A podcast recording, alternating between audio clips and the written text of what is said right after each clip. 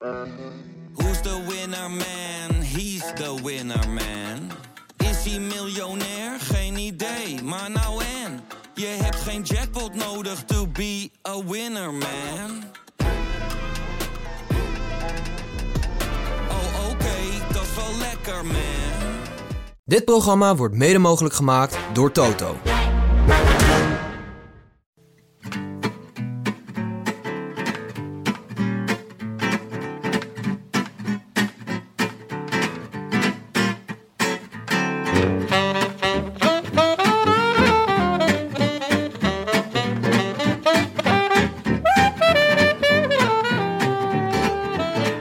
Is maandagavond 6 mei 2019 en we zitten aan de vooravond van de eerste grote ronde van het jaar. Live vanuit Huizen Frank Heijnen in het zeer redelijke Utrecht is dit de Rode Lantaarn, de wielerpodcast van Het is Koers.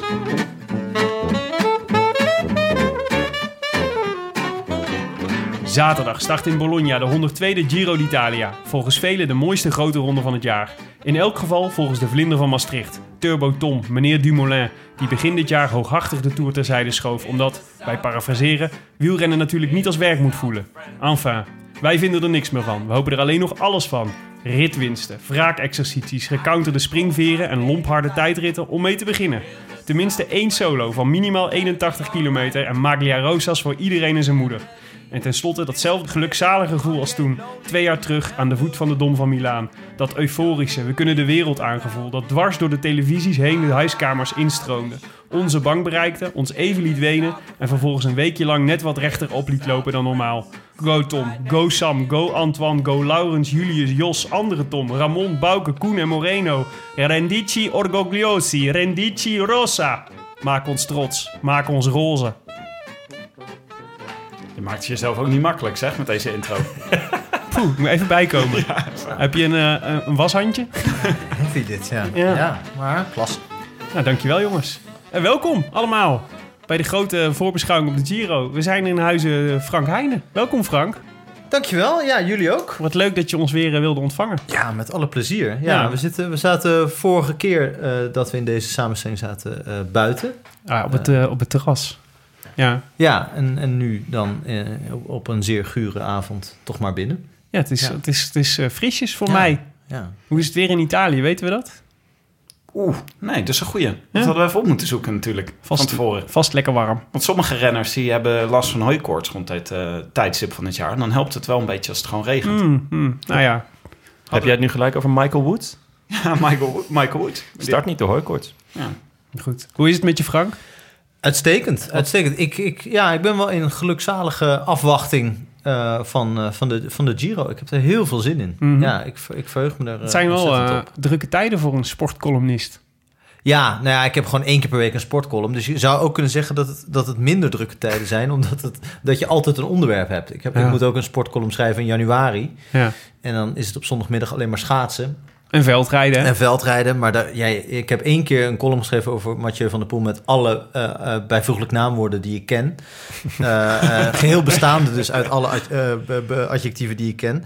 Eh, en dat kan je één keer doen, maar daarna heb je dus al je eh, kruid verschoten... wat betreft de veldritcolumns, zeg maar. Je gaat er wel ooit nog eens over Mathieu van der Poel schrijven, hoop ik. Ja, dat, ja maar het is... Ik, Iedereen was een beetje boos op je, dat je, dat je, dat je de Ja, Amsterdam Gold ja. Race gemist had. Hallo Ja, maar- Willem, jij was een van de mensen die boos Ja, was. Ja, ja, daar kom ik zo op. Je zat een vuurtje een beetje aan te wakkeren. ja. Want ik, ik, zat, ik, ik zag dat, het zat ik op een terras in Tielf, bij de, bij de Sartilman in de buurt. Eh, ik was daar, eh, het was Pasen, het was heel mooi weer. En eh, ik was daar aan het fietsen. Mhm. Dus dan, dan, eh, dan heb ik ook vrij eh, van, eh, van, eh, van, van, van de column. Die had ik dus al af. Ik had een column over Ajax geschreven. Wat ook wel een onderwerp is wat deze dagen Fenomenale af en toe... Dank. Ja, dat is echt een goede column. Maar geen Mathieu van der Poel. Ja, goed. Nee, maar het is lastig om, om een stukje te schrijven over iets wat zo, zo absurd is. Ik heb dat toen bij, bij Dumoulin, toen hij de Giro won, had ik ook allemaal eh, echt tamelijk een beetje vreemde emoties bij... die ik nog nooit eerder bij mezelf had waargenomen. En dat had ik, had ik die zondag ook, want ik keek toen en, eh, in eh, Hotel Bonhomme in, waar is dat nou, vlakbij, vlakbij de Redoute, eh, Remouchamp. En, eh, en, en ik zat te kijken en ik moest, moest di- direct daarna dat delen met iemand. Want ik, ik dacht, ja, ik, ik zat dat alleen te kijken op zo'n hotelkamer. Ik dacht, ik moet nu iemand bellen. Om, Ja. Dat heb ik nog nooit gehad bij wielrennen. Gewoon dat je zo, Ik dacht, wat gebeurt hier nou? Wat En heb je toen gedaan dan? Wie heb je en gebeld? mijn vader gebeld. Ja, en, die- en die, die begon meteen ook eh, te praten. Dus die zei ook niet hallo of zo. Dus die begon meteen ook te zeggen... Ja, ja ongelooflijk, hè, ongelooflijk. Ik, ik heb dit ook met mijn vader. Dat je dan sla je ineens te goed en hoe gaat het, sla je over. Ja. Als er wielrennen is, begin je gewoon gelijk van... Jongen, jongen, jongen, jongen, jongen, jongen. Ja, ja, want hij weet ook gewoon dat, dat als hij zag mijn nummer... hij wist gewoon meteen van daar gaat het over. Hij, ik hoorde wel lichte irritatie dat hij dan van de bank op moet staan... om de, om de telefoon te gaan pakken. Terwijl natuurlijk José en Michel net in een soort euforische eh, eh, stemming... ook eh, eh, hem eh, de hemel in het prijzen waren. Maar het was, het was echt... Het was echt schitterend. Maar ik was, wel, ik was eigenlijk ook wel blij dat ik er niet over moest schrijven, hoefde te schrijven. Of mocht schrijven, want ik had het natuurlijk sowieso gedaan. Ehm, omdat je, wat, moet, wat moet je daar nou mee? Wat moet je Ja. daar nou nog aan toevoegen? Oké, Het is natuurlijk vaak bij die columns... dan probeer je het wat mooier of wat leuker... of wat grappiger te maken dan het eigenlijk is. Of je zet het een beetje aan. Hier viel niks meer aan aan te zetten Nee. natuurlijk. Het was altijd een slap aftreksel van, Ja, van we het origineel We eigenlijk. hadden een beetje hetzelfde probleem in de podcast. Hoe geef je daar dan woorden aan Ja, vervolgens? toch? Zes je, en wij kwamen eigenlijk... wat De conclusie die wij trokken is van... ja, we moeten het vooral gewoon over de feiten hebben. Gewoon wat hebben we gezien? En proberen om dat her te Je moet beleven. gewoon eigenlijk die wattages opsommen. Dat Ja, is eigenlijk ja. het meeste... Ja, en de tijdverschillen, dat Ja. hebben we letterlijk gedaan. Ja. Dat was eigenlijk, dat kon je ermee zo'n beetje. Ik heb het gemist. Is daar toen ook nog de, de quickstep eh complottheorie aan aan bod gekomen of niet? De Leo van ja, Vliet. zijdelings. Steraar Het was, een beetje, theorie. het was natuurlijk een beetje flauwekul. Wacht even, eens, gaat dit over de tijdmetingen die niet zouden kloppen? In de Ja, laatste Nou, en dat hij dan Vliet. niet zo in beeld kwam en dat er opeens 30 seconden af was. En dat een beetje zo Nico Matan in Gent-Wevelgem ooit, een beetje dat werk. Ja. Dus, dus Leo van Vliet, de koersdirecteur, die zou dan ervoor gezorgd hebben dat Mathieu van der Poel niet in beeld was. Dat zei Lefebvre of iemand. ja, die, eh, Lefebvre zei die, was, eh, Ja. die was daar niet over te spreken. Hij was eh, goed bevriend met Van Vliet. Maar eh, hier zou hij nog wel even, over zijn jasje aantrekken. Ja, ik denk dat het een mooie samenloop van uh, Ik zou wel schrikken als uh, is Lefebvre perfect. aan mijn, aan mijn jasje trok hoor. Dat is wel een van de mensen in het wielrennen waarvan ik het minst graag wil Het lijkt me ook niet iemand die aan je jasje, dat hij iemand aan je la- jasje laat trekken. Dat dan Wilfried Peters even komt en Ja, babbelen. Zijn En dan, ja, dan dreigt dat hij op je gaat zitten. hangt er toch wel een beetje vanaf met welke kracht er getrokken wordt. Want als je het ga- gaat om zooien, dan kies je toch iemand anders uit dan iemand die gewoon even zo liefkozend aan je jasje trekt. Dus, dus Komen ja, we straks terug op dispuut Uilenbal. Maar bedankt. als we het over de Isagiris hebben. Oh. Hey, maar Frank, het was ook een bijzonder jaar omdat je eh romandebuut is uitgekomen. Zeker, ja. De Nee, zaak de- Tom. Ja, eh, ja ik, laatst, laatst was ik ergens en toen, en toen kwam iemand naar me toe en zei... hoe gaat het met je boek over Dumoulin? En dat, dat is natuurlijk... Dat kan voor veel mensen Ja. een teleurstelling En zeker als het ook nog de zaak Tom heet, dan Ja, denk je ook hier, dit Ja, gaat ja. over... eh, Dit gaat over wielrennen. Nee, het heeft helemaal niks met wielrennen te maken. Er komt, komt zelfs geen wielrennen in voor. Eén tourfietser komt er, eh, eh, rijdt door het beeld. Maar dat, daar blijft het ook wel bij. ja. Ehm, dus nee, ja, nee dat, die is twee maanden geleden nu uitgekomen. En eh, eh, ik, ben er, ik ben er heel erg trots op. En ik vond, ik vond het ook heel spannend om iets totaal anders te doen. Ik heb natuurlijk toch met sport, schrijf ik nu een jaar of tien over. Ja. Eh, een redelijk eh, vast publiek en veel mensen kennen mij en weten ongeveer wat ze verwachten eh, of kunnen verwachten. En probeer die verwachtingen wel een beetje aan te passen en je, je te verbeteren en weet ik veel wat. Maar dit was echt volkomen ja. Sprong in het diepe. Super spannend eh, ook, Sprong in het duister. Ja, ja zeker. Ja. Ja. Nee, dat was ook zo. En dat was ook in het proces al. Dus, dus de spanning was er al een beetje af. En natuurlijk hoop je dan dat de reacties goed zijn. Wist ik al voordat het uitkwam van een aantal mensen die ik heel belangrijk vind. Dat Ja. ze het in ieder geval mooi vonden. Eh, dus dat het niet een totale flater was. Nou, dan was ik eigenlijk al, was ik eigenlijk al tevreden. Dan Gerustgesteld. was ik al gerustgesteld. En, eh, en eh, reacties zijn, nou, die, die komen nu, ja, die zijn al redelijk op gang. Maar er af en toe krijg je dan een, een mailtje of een berichtje van iemand die dan. Van Jonne. Nou, nee, van Jonne Ik heb nog niet, Nee, nee, dat- dat- ik heb nog niet gemaild. Oké. Nee, nog niet maar- gedurfd. Nee, nee, dat moet kunnen. Maar het Ja, is best ik- wel moeilijke, maar- het, het is ik- best wel een moeilijke stap als je als sportschrijver op een gegeven moment een roman gaat schrijven. Ik denk dat er op een andere manier, tenminste voor jezelf, kan ik me ook voorstellen dat het voelt alsof er grotere druk op ligt. Omdat iedereen, je bent al gevierd schrijver zeg maar in de enige competitie, in de ene competitie. Nou, het is- ben je het dan ook in de andere Het competitie? is, ik, ik heb wel het idee dat je in een andere competitie gaat meespelen. En natuurlijk ook dat mensen eh, eh, bijvoorbeeld die niks mm, eh, van sport eh, moeten hebben of, de, of er niks aan vinden.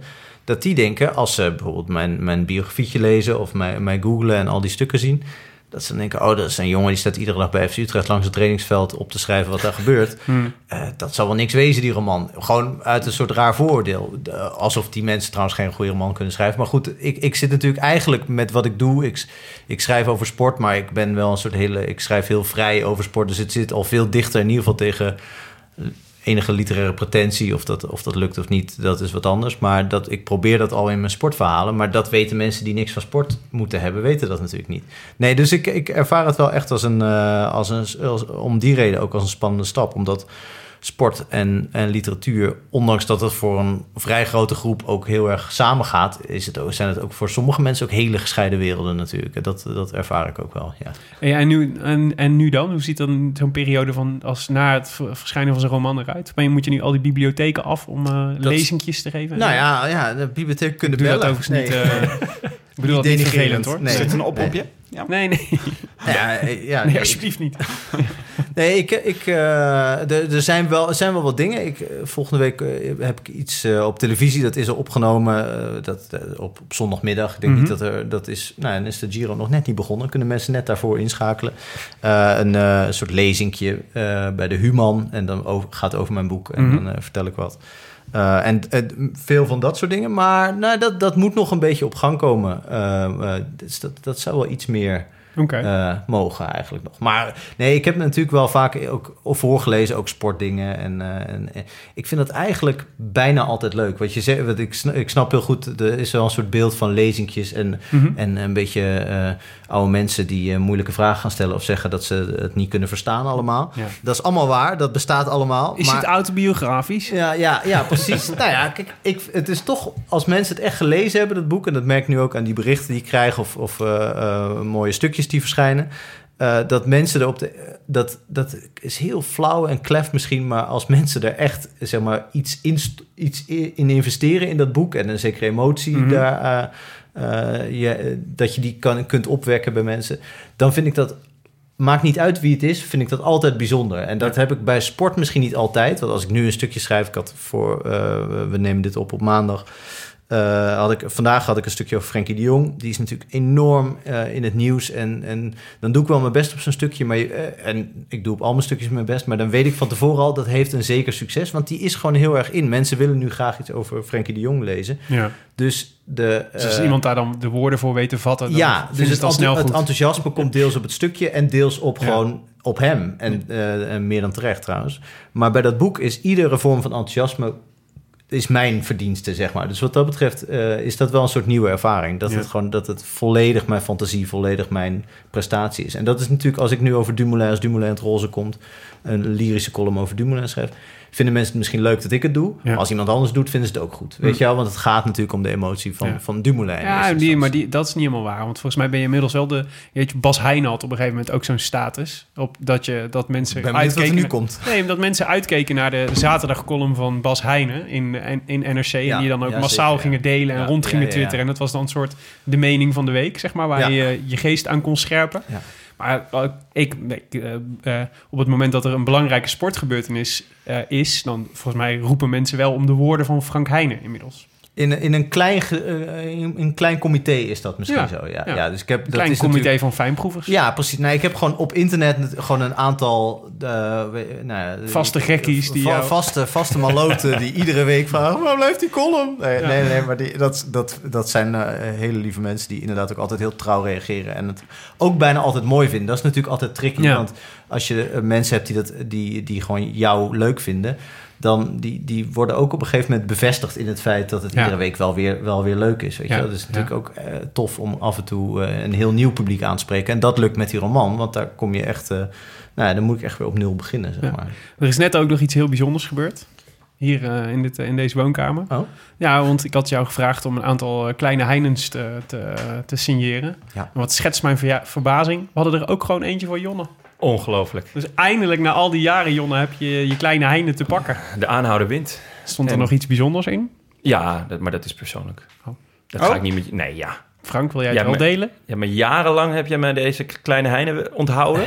En dan op het moment dat ik mijn succes vier, dan moet ik het gaan delen. Mm. Nou, mooi niet. Nou, het is wel zo. Ik heb er ook een aantal gesigneerd voor eh, eventuele winnaars in de toekomst. Ja, ja. Misschien Voor weet jij daar- spelbokaalwinnaars, ja, ja, zeker. Eh, en ik weet natuurlijk niet wie dat zijn, want zo goed kan ik niet voorspellen. Dus eh, heb ik daar een zeer algemene eh, boodschap in gezet, die wel zeer gemeend is.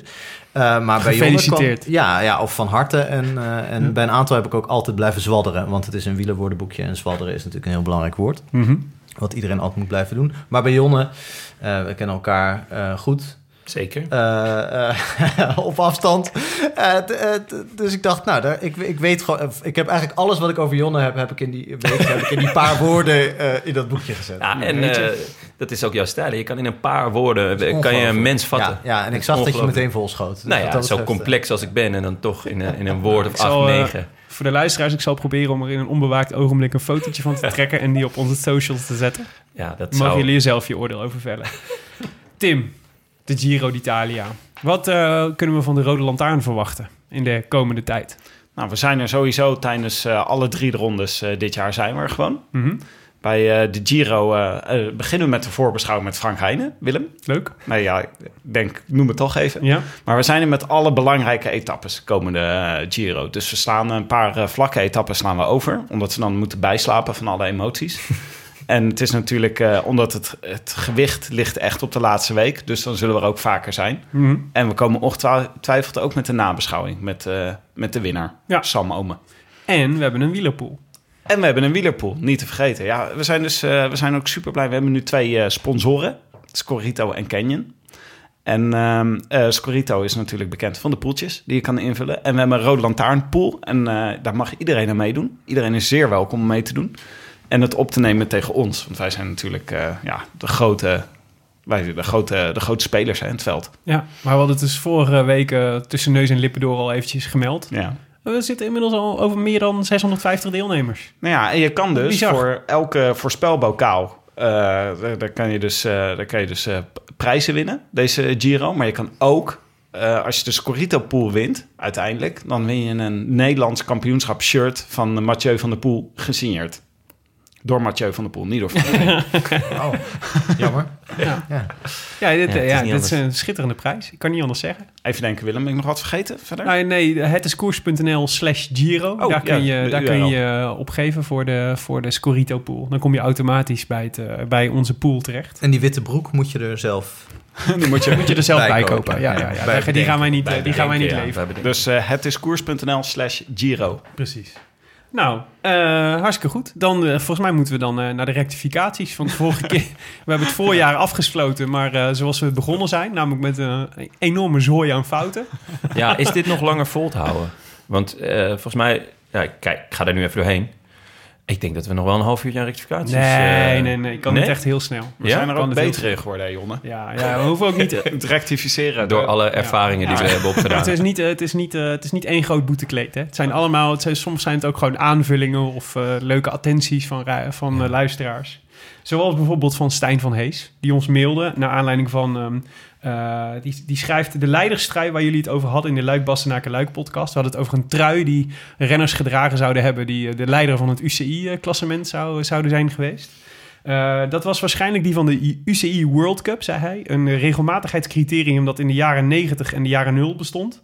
Dat klassement behelsde een tiental eendagskoersen en vijf monumenten.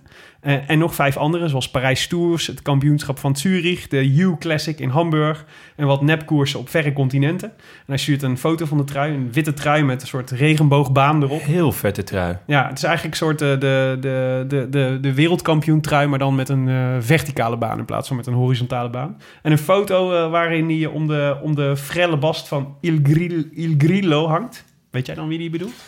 Ja, Bettini. Ik kan, ik kan me die foto nog, wel- of in ieder geval die trui nog wel herinneren dat ik, eh, ik had een foto van Erik Dekker een tijdje op Ja. mijn kamer. En die heeft hem natuurlijk ook, eh, Die heeft hem ook heeft gedragen. misschien wel gewonnen zelfs, weet ik niet zeker. Maar in dat ieder geval, denk ik wel, eh, ja. Zeker. ja, volgens mij Hij een doet grote me een beetje Zurich. denken aan, de, aan het shirtje van, van VfL Bochum. Uit, eh, Dat ongeveer- regenboogshirt. Ja. ja, ja, Ah, een beetje uit dezelfde contraille. En ja.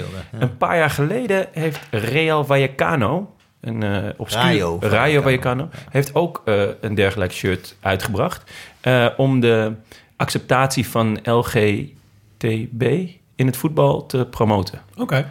Nou, good for them. Ja, Eh in, ehm, deed in, me aan eh, denken. Ik zat eh, ook afgelopen maandag weer de documentaire van VDB te kijken. Ben je, volg je die ook, Frank? Ik volg hem niet. Ik heb de eerste aflevering gezien, maar ik, ben, eh, ik hou het niet eh, heel nauwkeurig. Afleveringen 2 en 3 staan inmiddels op YouTube. Mhm. Zoals alle Belgische wielerdocumentaires op een of andere manier op YouTube belanden.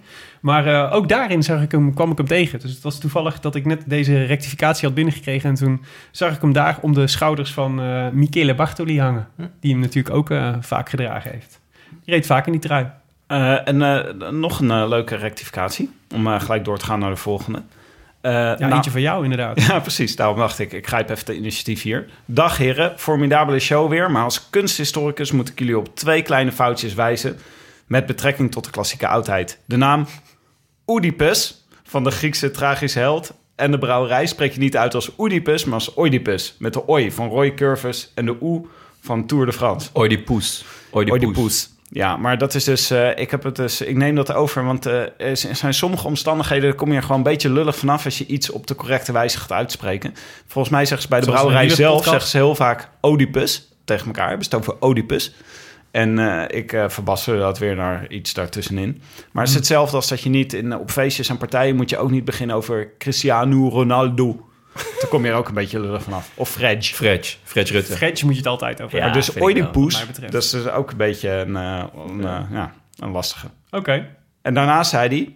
Over Aeneas is dan weer geen tragedie geschreven... maar wel verschillende verhalen. Zo komt hij bijvoorbeeld voor in het werk van Homerus... en de Romeinse schrijver Virgilius.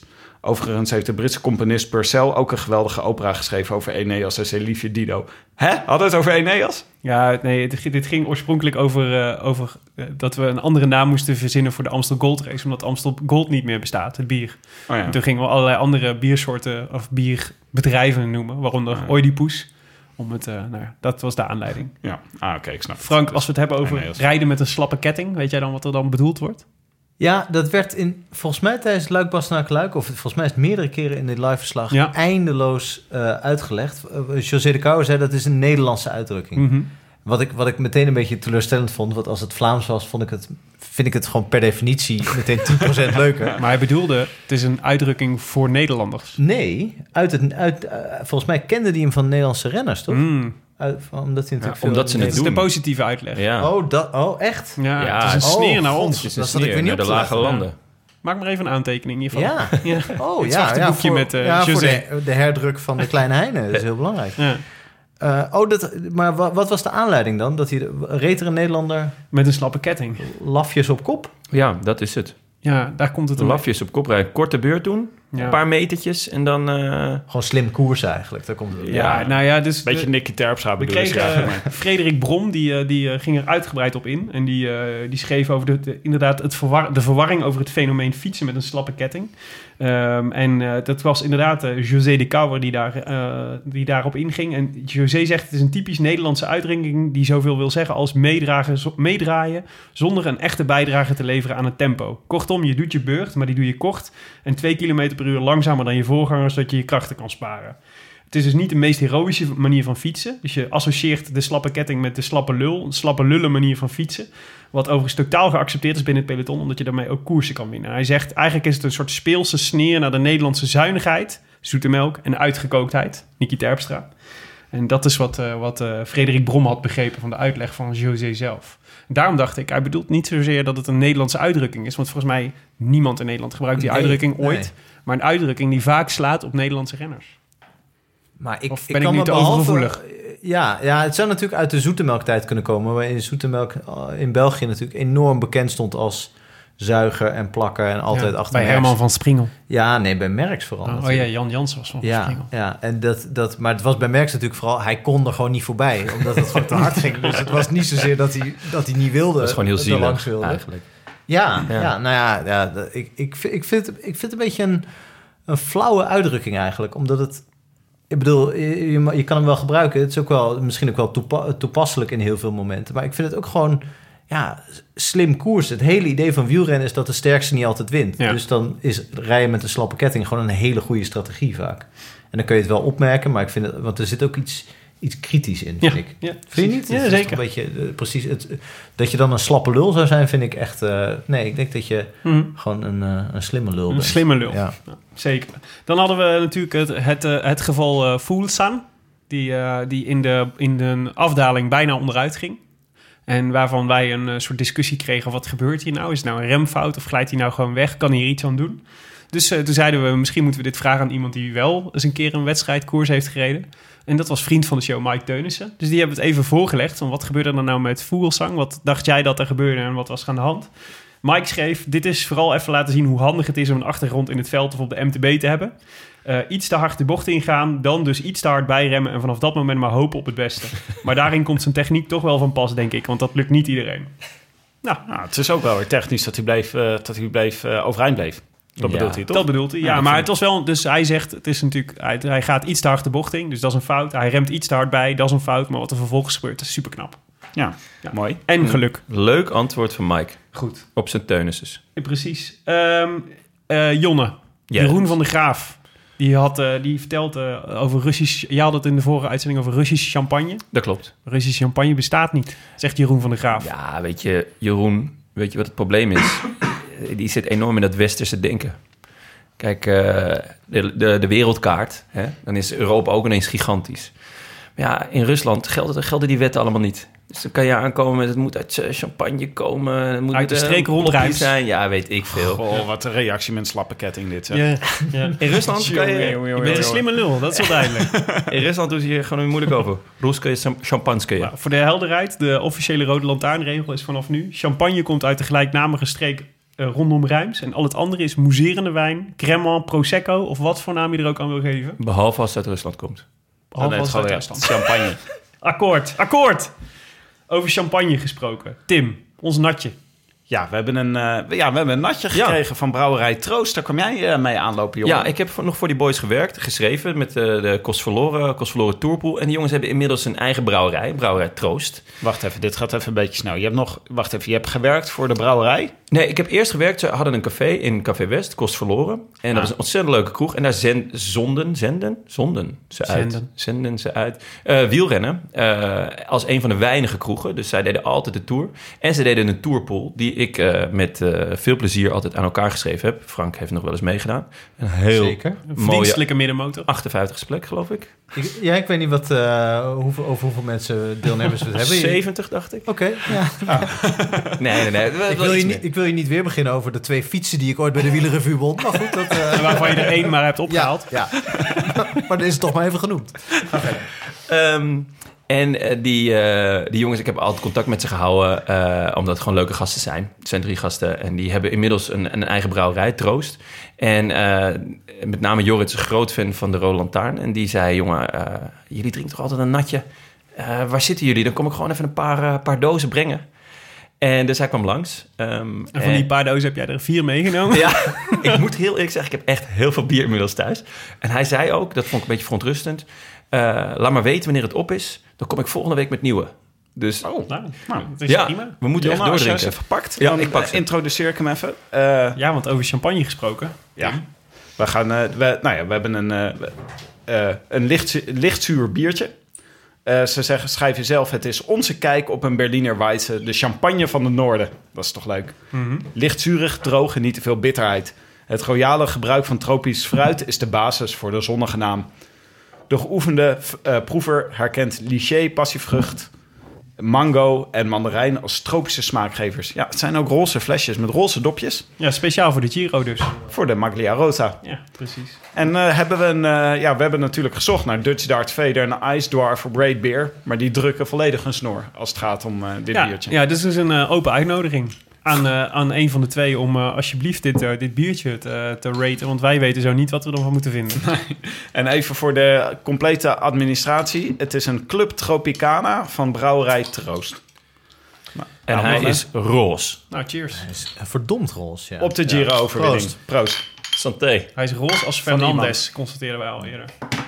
Goed. Jonne, de 102e Giro d'Italia. Zou jij hem voor Zo. ons willen Oei, introduceren? Wat vind jij van de Giro, Jonne? Nou, net zo fris als dit biertje. Eh, ja, de Giro is mijn, mijn absolute hoogtepunt eh, in, in, de, in het rondewerk van het, eh, van het jaar. Na de Ronde van Vlaanderen natuurlijk, maar die is maar één dag. Eh, ja, de Giro is zo ontzettend heerlijk en zo ontzettend mooi. En eh, het begin van de lente vooral. Ehm, Hoe gaat hij, de Giro?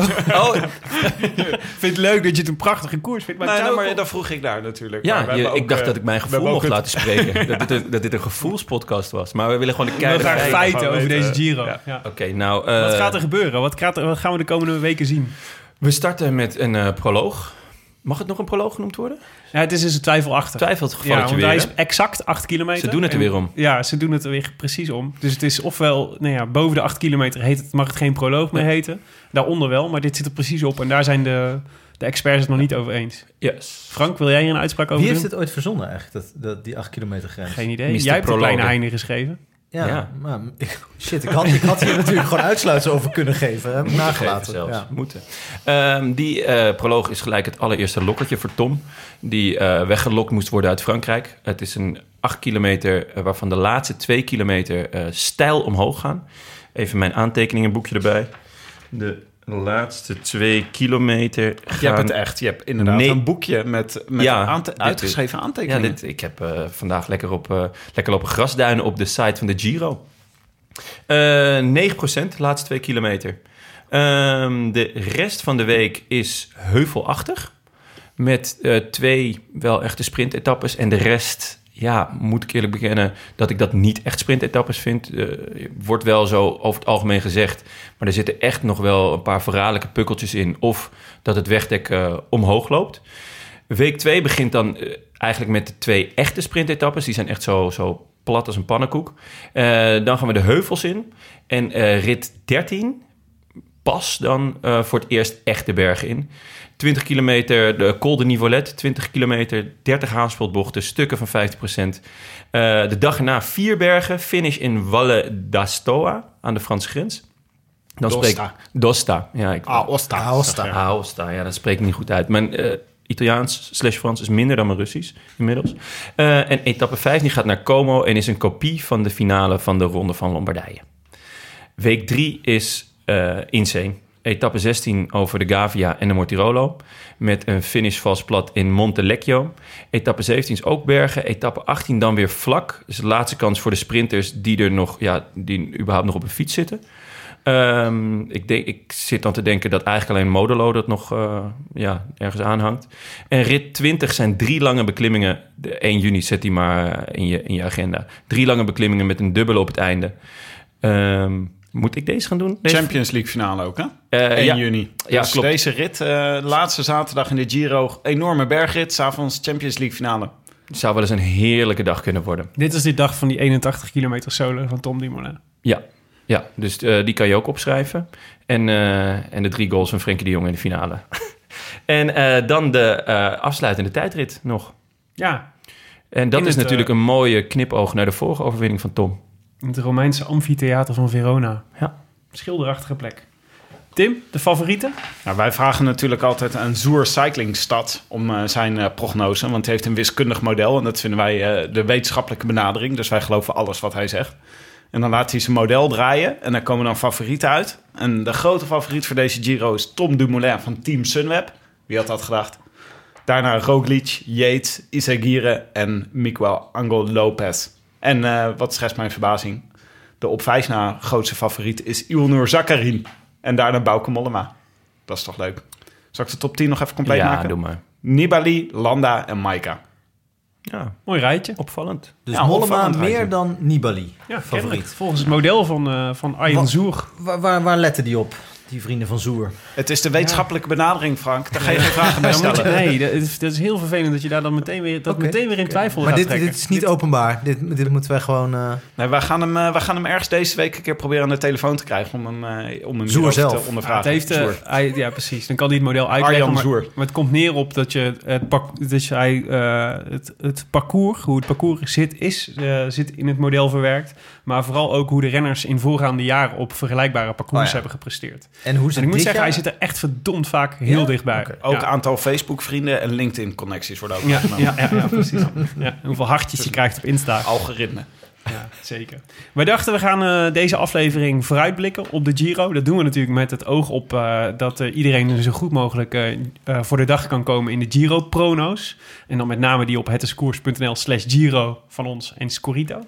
Eh, dus je gaat veel namen horen in, de, in, eh, in, eh, in het komende, nou wat zal het zijn, uur. Daar, eh, die moet je maar zelf in een schriftje bijhouden. Dan kun je ze, kun je ze uitspelen in de komende, in de komende, nou, komende week. Waarin je je prono nog moet invullen. Ehm, wij, hebben, wij hebben in ieder geval onze voorbeschouwing opgebouwd uit een aantal vragen. Die vragen beginnen met eh, vraag 1, zoals dat vaak gaat in, eh, in interviews. Bah. zo voorbereid, zo ja. matig dit. Met vraag 1 Je moet principes hebben. Vind ik goed. Ja, ja, ik begin graag met vraag 1. En die is dan meteen maar voor Frank. Waar zie je het meest naar uit, deze Giro? Een brede vraag, maar ehm, Nou ja, in, in, in eerste instantie gewoon na drie weken lang daarin in op kunnen gaan. Ik ben, ik ben eigenlijk... eh, eh, kijk, ik, kijk ik altijd het meest uit. Daar heb je natuurlijk ook de langste tijd voor om, eh, om naar de klassiekers uit te kijken. Dan kan je je hele winter verheug ik me op de klassiekers. En dan verheug ik me niet per se op de Giro. Dus je hebt Ja. eigenlijk maar een relatief korte verheugtijd. Die is ook wel intensief dan.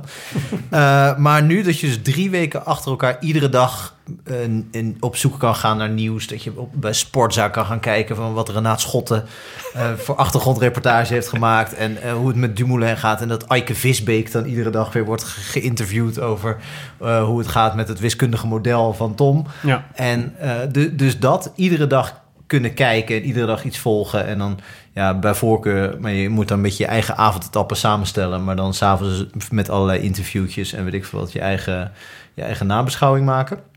Of met de rode lantaarn. Ehm, en, Net en, op tijd. ja. en ja, ik, ik hoop dat ik het allemaal kan zien. Want ik, ik, ik weet niet of jullie nog... Heb je weer een fietsvakantie gepland? Nee, naar Nee, dat doe ik altijd tijdens de tour. Eh, nee, ja, ik, ik weet niet of jullie nog weten. Vorig jaar, eh, toen wij hier in dit gezelschap bijeen zaten... toen klaagde ik over, mijn, over de ontvangst van, van Eurosport Oh ja. in mijn huis. ja. Toen hebben we nog een oproep gedaan aan Ziggo Ja, om jou ja. te komen ondersteunen. Nou, ik weet niet wat Ziggo gedaan hebben, maar die hebben echt alle, alle kabels doorgeknipt die er, nog, die, er nog, die het nog wel deden. Want ja, Eurosport doet het helemaal niet meer. Ik woon dus in een huis en de tv staat helemaal boven. En iedere keer als ik bel, zeggen ze... ja meneer, maar er zit te veel... Er zit te veel beton tussen. Dat is, dat is de algemene... eh, Mhm. tussen de ontvanger hier beneden en de, en de, en de tv boven. Nou ja, goed. Eh, ik, ik heb net... Ik heb Moet je net niet zo'n schotel aan je huis schroeven? nou ja, ik, dat, dat of ik heb net van, van Jonne allerlei legale, semi-legale en illegale wijzen eh, Zeker. eh, geleerd om, Russische om, streams. om, toch, eh, om toch de Giro te kunnen volgen. Dus ik ga ervan uit dat ik, eh, dat ik veel kan kijken. Eh, en Maar het ja, is toch waanzin dat zo'n Ziggo niet even nou, de, de, grote grootste sportcolumnist Ja. van Nederland kan helpen aan een Ja. werkende aansluiting, zou Ja. je zeggen. ja, Ja. Kun je dit nog een keer halen? We zullen het in de show notes zetten.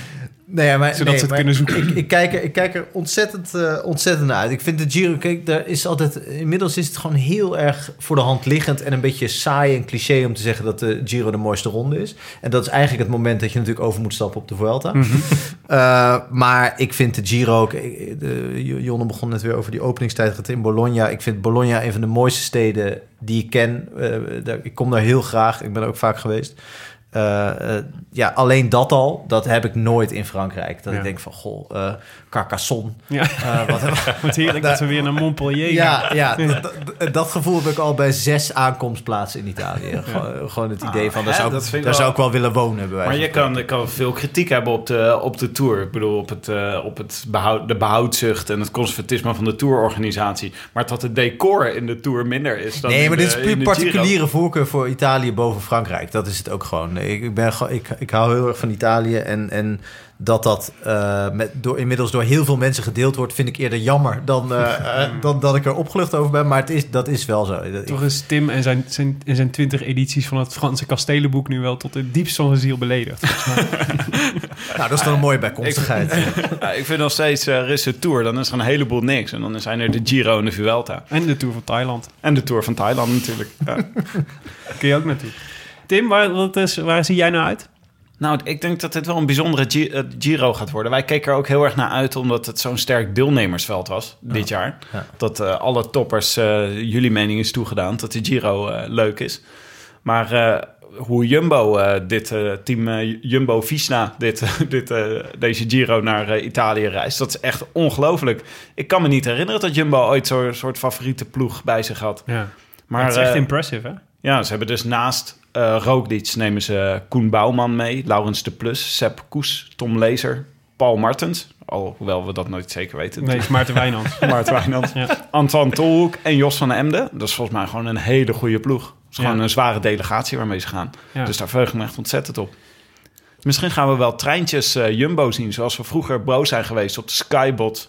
Dat we nu gaan zeggen, de Jumbo-bot. Zie ik weer eh, Laurens de Plus eh, daar voorop eh, buffelen. We- wekenlang achter elkaar. Een Ja. soort Banesto vroeger had je, had je altijd allemaal van die Spanjaarden die dan voor Indurain reden. Ja, met bloed dik als stroop. Ja, ja. ja. Ja, maar dat kan echt ontzettend leuk zijn. Want, eh, want toen eh, Bogert en ehm, Thomas Dekker met z'n tweeën gingen rijden voor uh, Ik kan er nog Rasmussen. steeds met een, warm 2007. hart aan, met een warm hart aan terugdenken. Nou ja, misschien gaan we dat wel krijgen. Dat eh Roglic in de laatste week in het roze rijdt. Dat we dan eh, Jumbo voorop zien rijden in Ja. een treintje. Die kleine en dan, tolhoek. en dan eh, Tom De als grote uitdager. Want dan Ja. gaat onze loyaliteiten wel op de proef stellen. Zou Antoine hem gaan halen als hij weg eh, als hij Ja, ontsnapt? inderdaad. Ai, ai, ai. Wat gebeurt er dan met de erfenis, Willem? Ja, ja, nou, ik kan ik je wel vertellen wat er dan mee gebeurt. Ik kan Antoine nat fluiten in dat geval. Zo duidelijk is het. Weten jullie hoe, het hoe gaat het met Antoine eigenlijk? Want ik heb daar dit jaar nog bar weinig van vernomen. Nou, hij had natuurlijk een, eh, een wat ongelukkige luik-Bastenaken-luik... waarin hij zich eh, niet goed had aangekleed.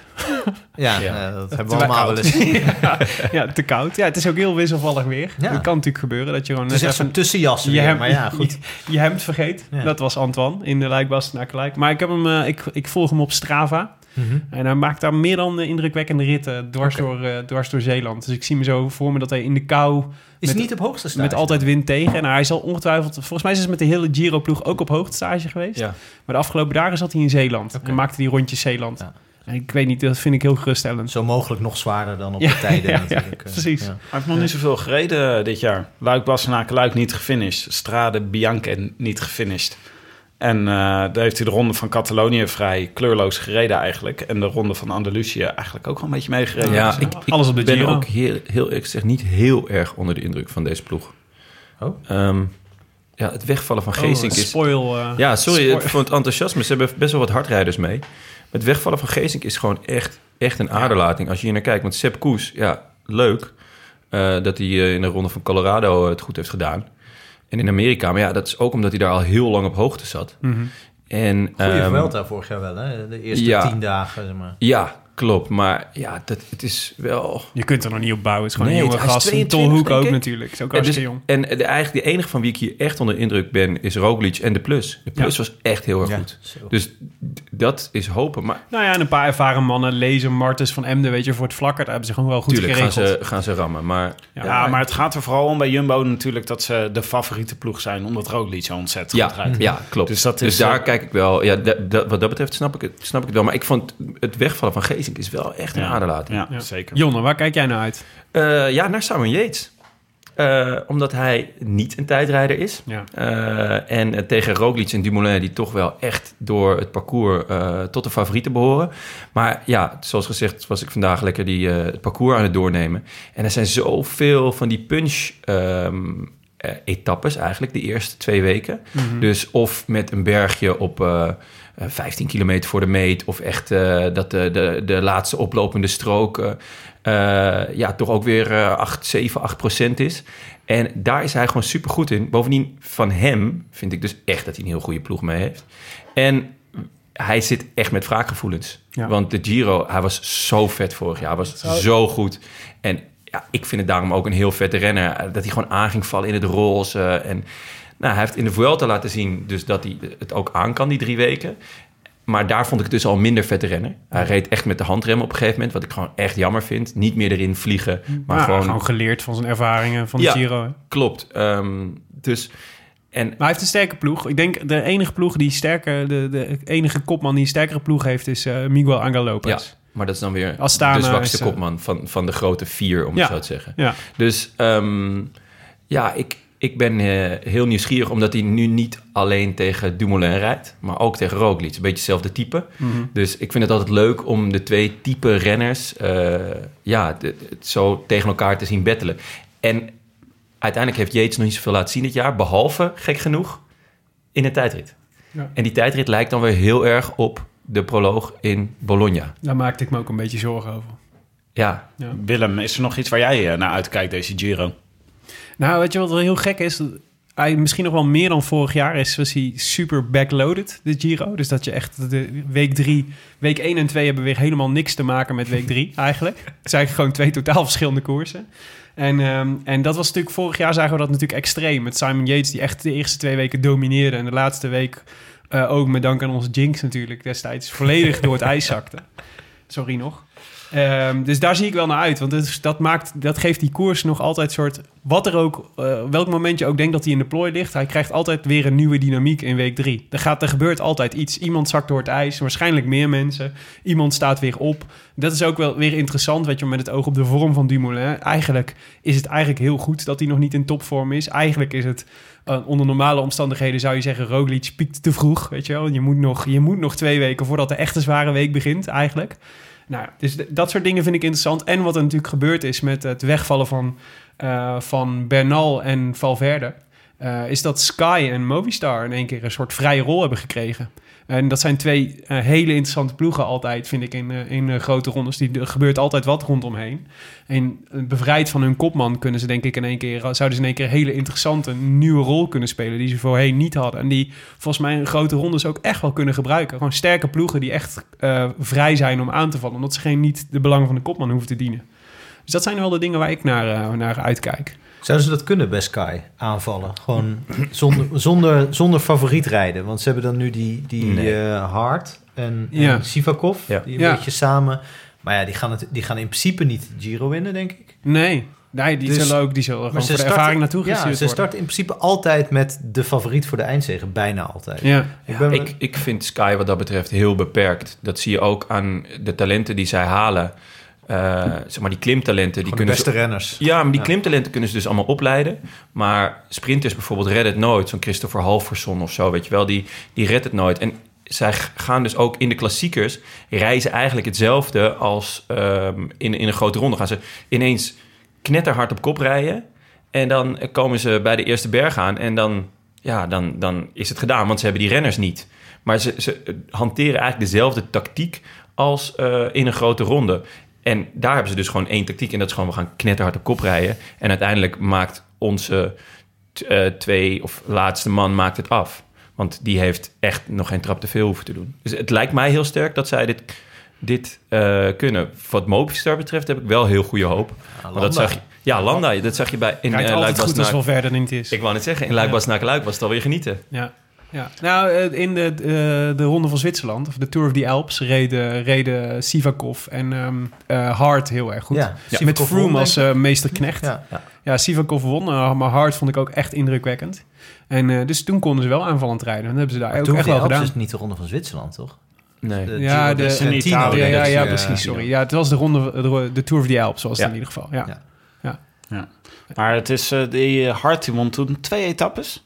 Dus het is Ja. wel grappig. Ja, juist, eh, we zijn nog bij het puntje waar verheugen we ons op. Het is, wel, we zijn, het is natuurlijk wel leuk om een keer Sky in een andere rol te zien. Ja. En Movistar ook. Nou, Movistar is wel altijd, zelfs als ze met alleen maar favorieten aan de ronde beginnen, gaan ze nog steeds rijden als de uitdager. Ja, ja, gewoon ieder voor zich. Dus eh, daar verandert misschien minder dan bij Sky. Goed. De Nederlanders, laten we ons daar eens even op focussen. We hebben elf deelnemers, niet de minste. Laurens ten Dam van CCC, Moreno Hofland en Julius van den Berg van IF Education First, Ramon Sinkeldam voor Groupama FDG, Koen Bouwman, Tom Lezer, Antoine Tolhoek, Jos van Emden voor Jumbo-Visma, Tom Dumoulin, Sam Omer voor Sunweb en Bauke Mollema voor Trek Segafredo. Tim, als je er eentje moet kiezen, Ja, dan kies je natuurlijk voor Typex Mollema. Ja, ik denk dat Bauke Mollema dat dit wel eens een moment voor hem zou kunnen zijn. Eh, en eh, dat hij gewoon het roze gaat pakken. Mhm. Ik eh, voorzie het. Ehm, hij rijdt gewoon een heel goed voorjaar. De ploeg eh, gaat echt voor hem rijden. Eh, tenminste, dat zegt de ploeg. Nou, is het niet zo dat hij nou alleen maar allemaal briljante meesterknechten heeft meegenomen voor in het Hooggebergte. Mhm. Maar eh, ik denk dat dit wel eens een hele goede Giro voor eh, Mollema kan worden. En als het niet om de rolstrui gaat, dan om etappenzegers. Oké. Dus eh, nee, maar ik vind het heel erg leuk dat Mollema meedoet. Want je zou hem bijna vergeten tussen al het geweld natuurlijk van Dumoulin. Ja. Ja. Dat eh, ja, we- al onze ogen zijn op Dumoulin gericht. Maar het is natuurlijk ja, geweldig dat we ook nog even Mollema hebben eh, rondrijden. Want een paar jaar geleden was Mollema gewoon de beste Nederlander die in het peloton rondreed. En jarenlang zou het ver weg de beste Nederlander zijn geweest... waar alle ogen op gericht zouden zijn. Ja. Maar ja, het is nu gewoon in de, in de luwte. Ja. Frank, jouw man? Nou, ik, vind- wat, ik, wat ik leuk vind nog aan Mollema is natuurlijk dat hij ook wel jarenlang een beetje de, de, de, de poging heeft gedaan om iedere keer zesde en zevende te worden. En dat mensen daar op een gegeven moment op uitgekeken raken. Hoewel het ieder jaar natuurlijk weer net Super knap, knap is. is. Ja. Eh, eh, maar ja, goed, op een gegeven moment heb je dat bereikt en eh, vinden mensen dat gewoon niet meer zo interessant. En daarom was die afgelopen tour natuurlijk wel te gek. Dat, zo, dat hij gewoon uit alle macht en ook een beetje amechtig soms, maar gewoon Ja. probeerde een rit te winnen. Ja, maar hij ging als een soort gek iedere dag in de aanval. Ook in ritten waar het eigenlijk niet zo verstandig was misschien, Ja. of op momenten dat het niet zo slim was. Hij verspeelde er ook veel meer energie door, Ja, waardoor het iedere keer net niet lukte. Ja, precies. Ja. Omdat hij iedere dag was. Ja, eh, er werd op een gegeven moment werd hij dan gelost. En dan zei ze, ja, logisch, hij was gisteren ook in de aanval. Maar dat is natuurlijk ook een vorm van strategie.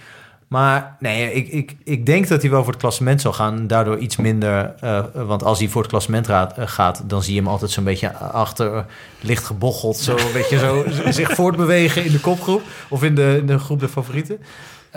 Nee, maar daar, daar hoop ik ook wel. op. Maar ik denk eigenlijk wel dat het niveau te hoog is voor hem om bij de eerste drie, denk ook wel bij de eerste vijf te komen. Ja, dan Ik maak je een denkfout, Frank. Maar eh, het is, eh, nee, dat is natuurlijk zo. Maar het is, het is leuk om te kijken wat er een beetje in de looten van Dumoulin zich Ja. Want dan heb je ook nog Ome en Tolhoek... waarvan ik hoop dat ze een hele goede Giro zullen rijden... en lang mee kunnen in de bergen. Dus ze kunnen zomaar luxe groepjes gaan krijgen... waar Dumoulin en Mollema en Ome en Tolhoek gewoon Ja, mee en zitten. het, het nachtmerriescenario dat ze tegen elkaar gaan rijden. Ja, het, het scenario wat we net al even op tafel hadden liggen... dat Ja. Jumbo eh, achter Dumoulin aan gaat rijden... dat is wel een Ik kreeg, beetje... ook, kreeg ik ook kippenvel van. Dan ben je toch voor Dumoulin, of niet? We zijn, Ja, ik Ja, ben toch? absoluut voor Dumoulin. Zeker. ja, Ja, ja. lijkt me geen keus. Ja. Dus ik vind wel, zowel Ja, Oma ja, als toch- Tolhoek, die vorig jaar zo goed reden... dat je daar allebei nog niet zoveel van hebt vernomen... vind ik wel licht zorgwekkend eigenlijk. Mm. Dat veel van die andere renners uit, eh, uit andere landen... van hun leeftijd en een beetje dezelfde soort renners...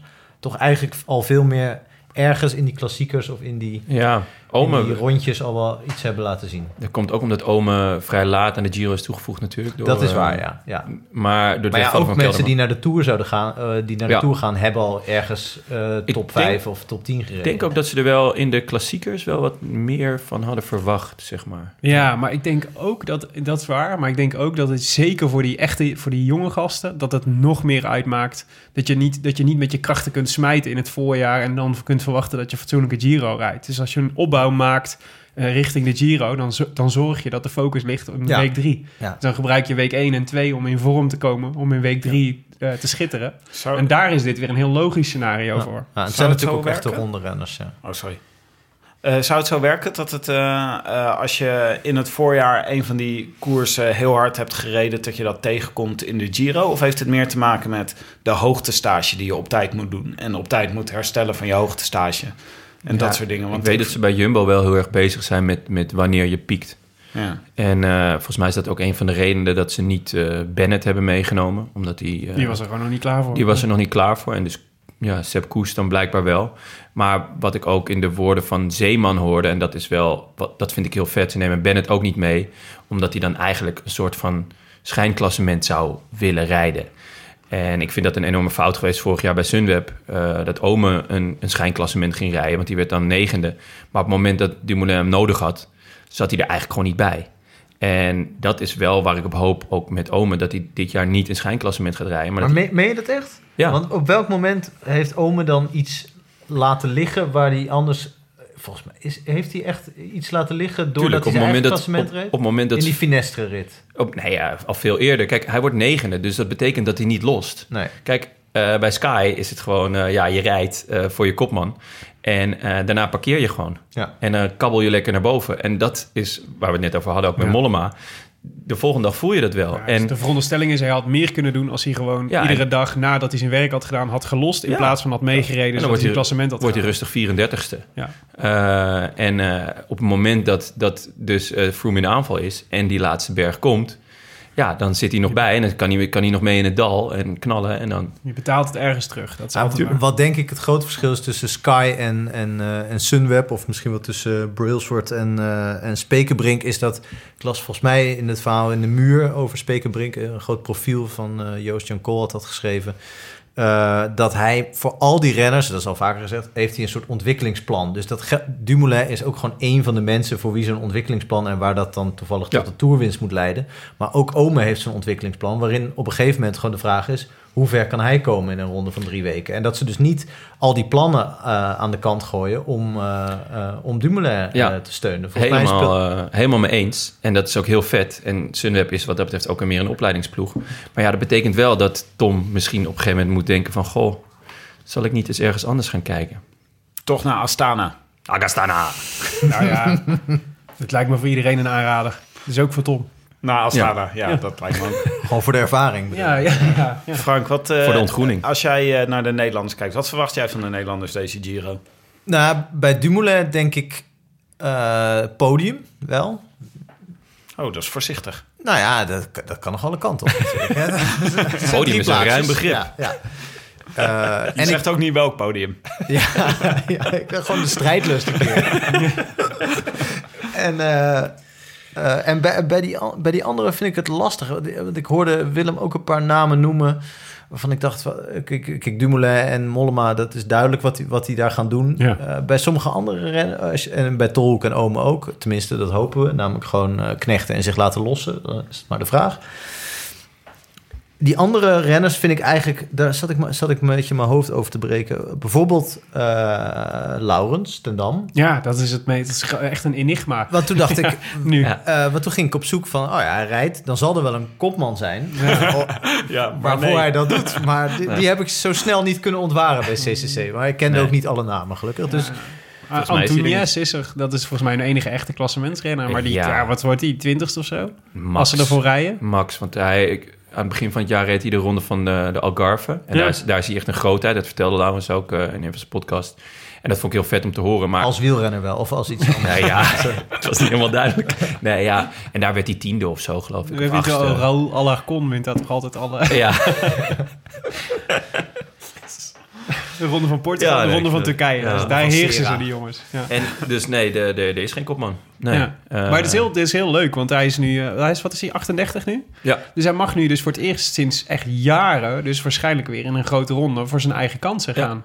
Het maakt geen donder uit wat hij doet. nee, ik, ik denk dat hij... eh, dat Zou hij- die stiekem ambities hebben om, om weer nog een goed klassement neer te Ik zetten? moet ik bekennen dat ik hem... waar, waar was hij? Baskeland? Ja, Was hij, Ja. was hij echt goed. Ja, daar werd Zat hij eh, eh, redelijk laat steeds gelost. Ja, inderdaad. Er waren er nog acht over. En dan, En dan zat hij ja, gewoon nog ja. goed. Dus ik, eh, hij is in vorm. ja. Ehm, hij, ja, hij kwam wel echt eh, helemaal eraf gepierd, kwam hij terug. Maar de- even, even opgeladen en nu, volgens mij is het gevoel goed. Zou dit dan, de, dan dat is de, de valkuil is natuurlijk gaan voor het algemeen klassement. Hij moet natuurlijk echt een, mooie, een paar mooie bergritten Ja, uitzoeken. dat zou, dat zou heel en vet gewoon zijn. even een kroontje zetten op die carrière. Dat zou echt heel vet zijn. ja.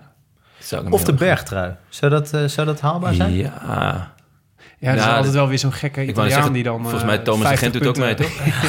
Maar heeft, eh, is, is, heeft het Tendam ooit gedemareerd eigenlijk? Ik kan me niet een beeld herinneren van Tendam die uit een groep wegrijdt. Hij is natuurlijk altijd of klassementsrenner geweest... en dan echt met name volgend of, eh, of knecht. En dan Ja. moest hij gewoon werken. Ja. Ja. Maar dat is, ik ben wel benieuwd dat hij dan als wapen gaat inzetten om... eh, om Ja, een hij, rit kan te hard en winnen. berg, hij kan hard en berg Nou ja, Meezitten met een ontsnapping en Meezitten dan als enige overblijven. Hij is taai. Ja. Dus, eh, dat denk ik ook. Ja. Ik denk dat dat het tactiek Een van die vreselijke ritten in de derde week. Zo een beetje Gavia, die- Mortirolo, kijken of het nog sneeuwt. En dan... eh, Ja, ja. Ja, en werken, alsnog werken voor Dumoulin. En dan eh Dumoulin, Drols en hij de rit. oh ja. Oh ja. Dat zou lekker zijn. Dat zou prachtig Dat zijn, zou zeg. zijn. Ja. Daar moeten we dan maar voor tekenen. Ja. Maar Frank, je had ook nog eh, nou, je had iets opmerkelijks uh, stuurde je naar ons. Eh, je hoopte op eh, Julius van den Berg in, eh, bij de aanvallen deze, Ja, deze ja nou, ook omdat ik eigenlijk... Ik, ik las die naam en ik heb die wel eens vaker gelezen... maar ik heb me daar nog nooit... Ik weet dat het een neoprof is... en ik weet eh, dat eh, Menno Haanstra, een vriend van mij... Ja. al lang eh, Julius van den Berg en Fabio Jacobsen volgt... voor een, voor een, eh, voor een project... Een, eh, wat ooit een, eh, een verhaal of een boek of weet ik veel wat moet worden. Ik weet niet eens of ik dit mag vertellen. Ja, ja zeker. dan Eh, Fabio deze. Jacobs heeft het bij ons in de Oh, die heeft het ook al verteld. Oké, verteld. oké. Ja, ja. Uh, maar, maar op een gegeven moment spitst natuurlijk zo'n project zich op, uh, uh, steeds meer toe op Jacobs. Omdat dat natuurlijk een beetje de, de, de, de ster is. En misschien komt hij ook wel sneller. Bij Van den Berg weet ik eigenlijk helemaal niet wat voor, wat voor soort renner het is. Dus ik dacht van, nou, het zal, hij mag mee met IF. En die, dat is toch niet een uh, minne ploeg dit jaar. Ja. Zeker. Uh, de, en die zijn best wel in de, in de mood ook. En be, die hebben ook niet echt een kopman waarvan ik denk, die gaat, uh, die gaat top 5 rijden. Dus iedereen mag daar denk ik ook wel een beetje zijn eigen zin doen. Dus Ja. ik kan me voorstellen dat hij gewoon uh, ritjes uitkiest. Niet om te winnen, maar gewoon om, uh, om zich te laten zien. Ja. Denk ik ook. Volgens mij is hij een aanvaller. Hij is- had niet zo goed eindschot als, eh als Jacobsen, zei hij. Maar wel gewoon die, die, die kracht en die power. En, Rennen eh, voor het vlak, hè, denk ja. ik. Ja. Ja, redelijk bij over, eh, over een jaar of tien.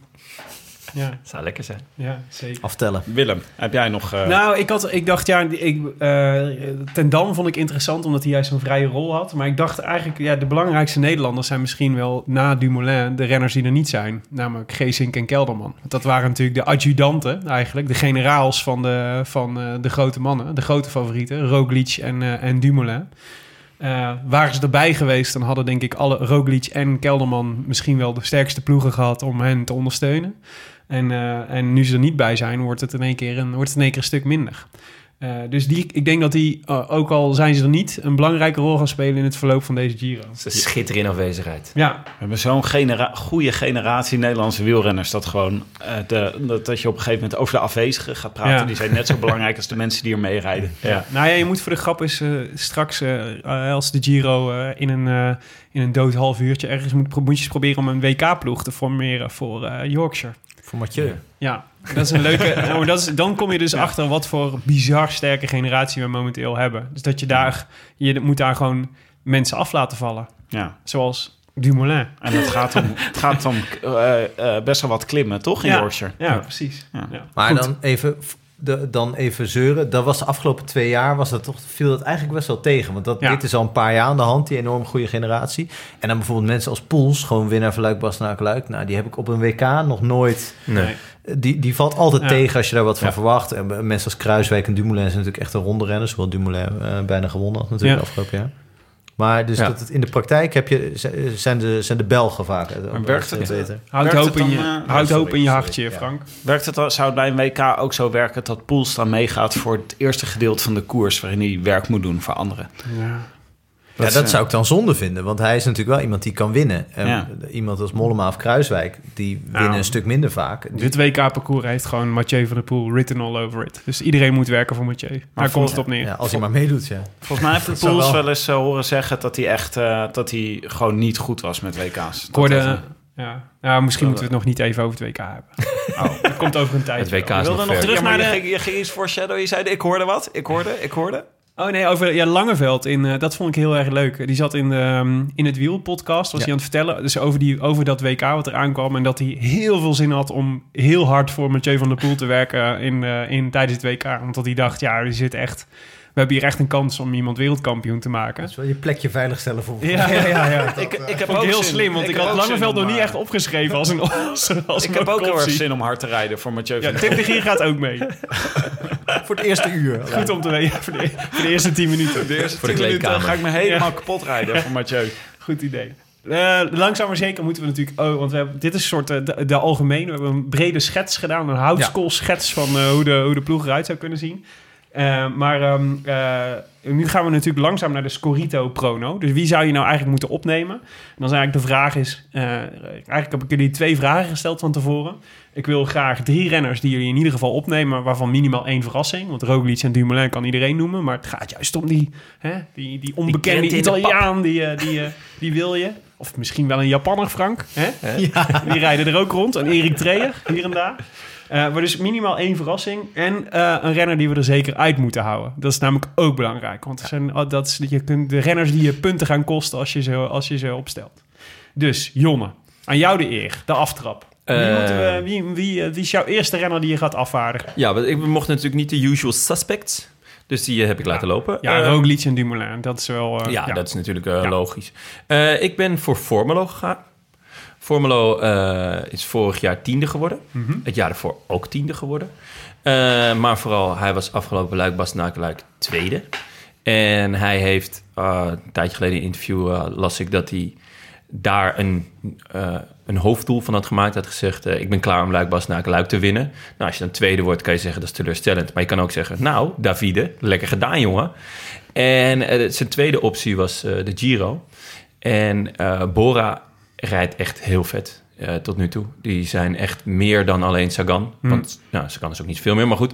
Eh, dus dat is echt een, eh, een, een hele leuke. Ehm, Formelo, Tim. Jouw, jouw, eerste, jouw eerste naam. Nou ja, ik- het is ook een eh, Giro waarin eh, veel vlakke etappes zitten voor een, eh, voor een Giro. Zeg maar. We zijn eigenlijk een beetje van de Vuelta gewend... dat je allemaal vlakke etappes hebt voordat je de bergen ingaat. Over die snelwegen, weet je wel, in Spanje.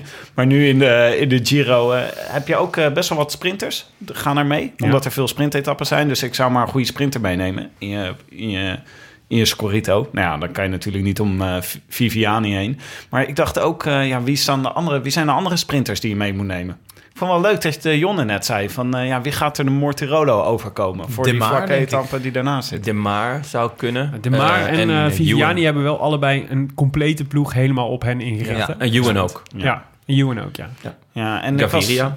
Nou, Gaviria rijdt niet zo heel erg goed nog dit Jij jaar. hebt wat tegen Gaviria. Elke keer als ik Gaviria noem, dan begin jij te stijgeren. te stijgeren, ja.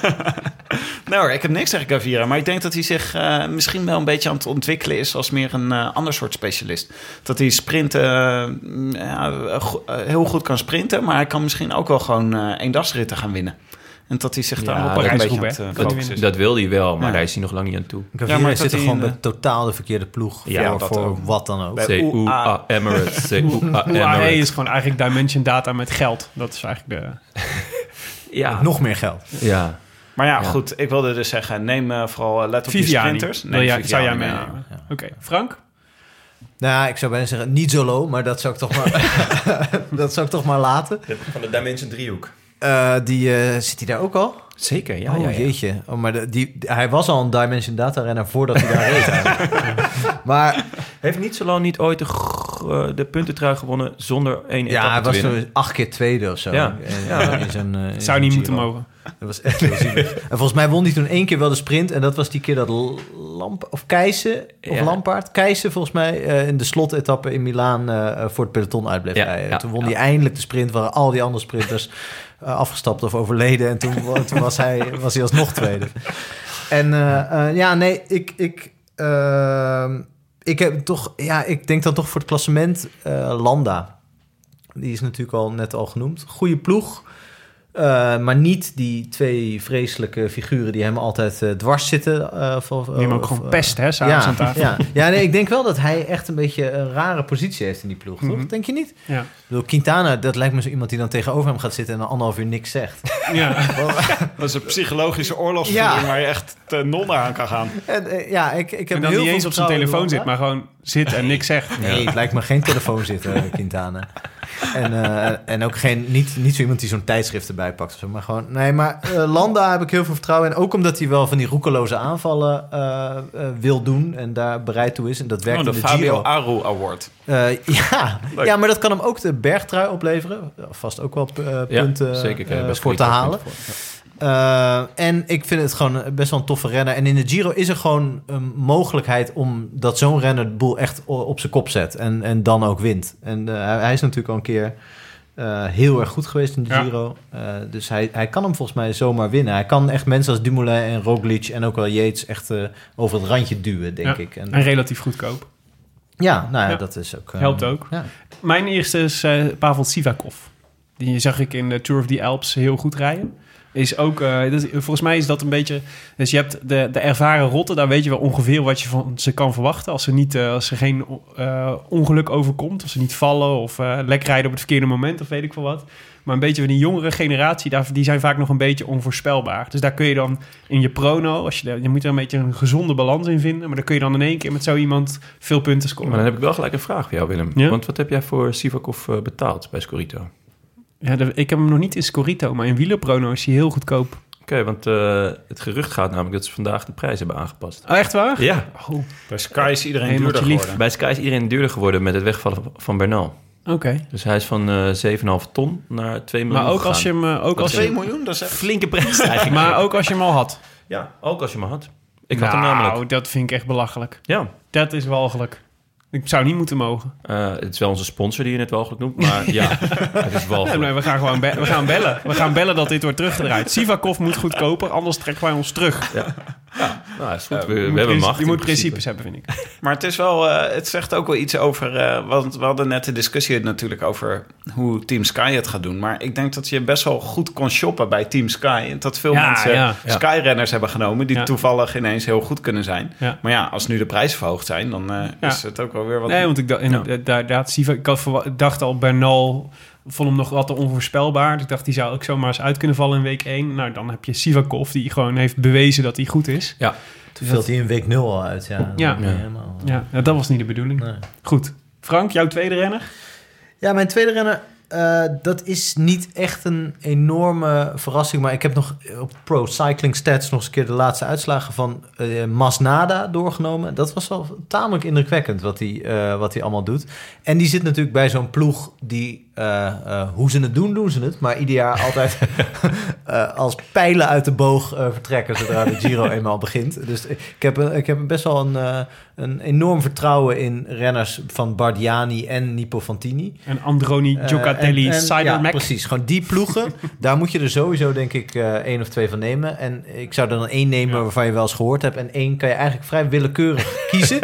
Eh, want ze gaan sowieso voorin rijden. En ze gaan sowieso ergens punten in de sprint. Ja. je, zou, je zou even kunnen checken of je een tweede rang sprinter hebt. en volgens mij krijg je ook punten voor meest aanvallende renner. Niet heel veel, maar...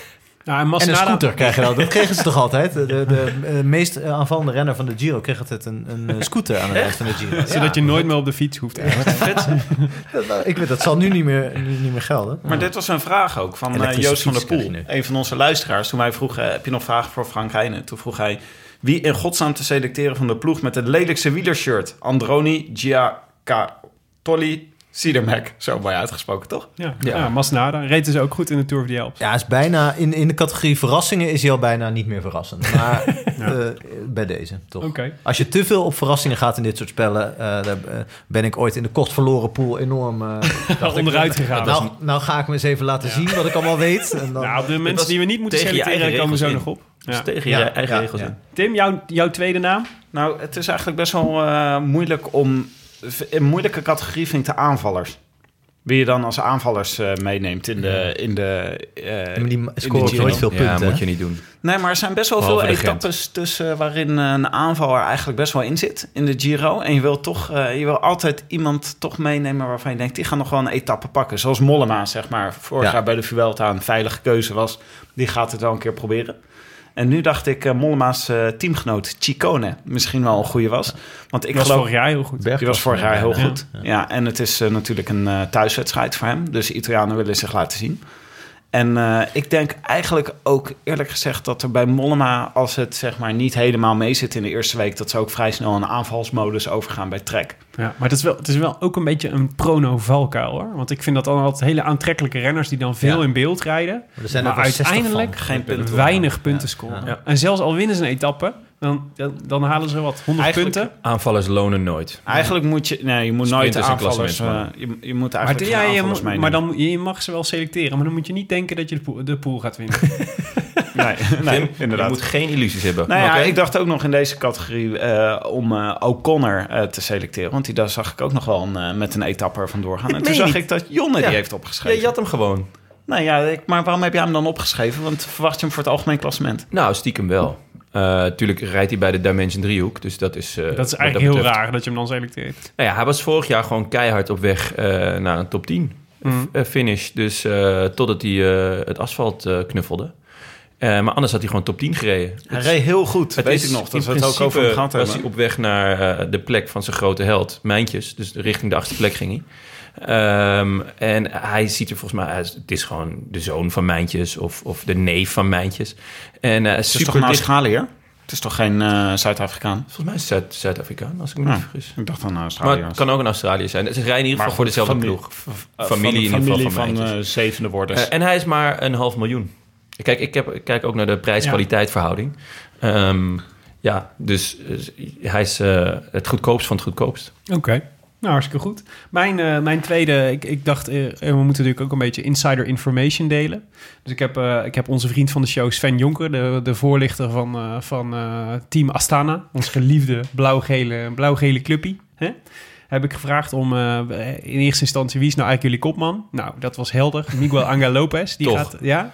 En eh, nou, er was een beetje twijfel over of dat Jon Izagiro, die was natuurlijk al een goed, eh, goed eh, voorjaar gereden, heeft gezegd dat hij voor klassement wilde gaan. Dus wat zou, wat zou kunnen dat hij hem zou gaan rijden. Stond ook hoog in het lijstje van Arjan Zoeg als potentiële, potentiële topper in het klassement.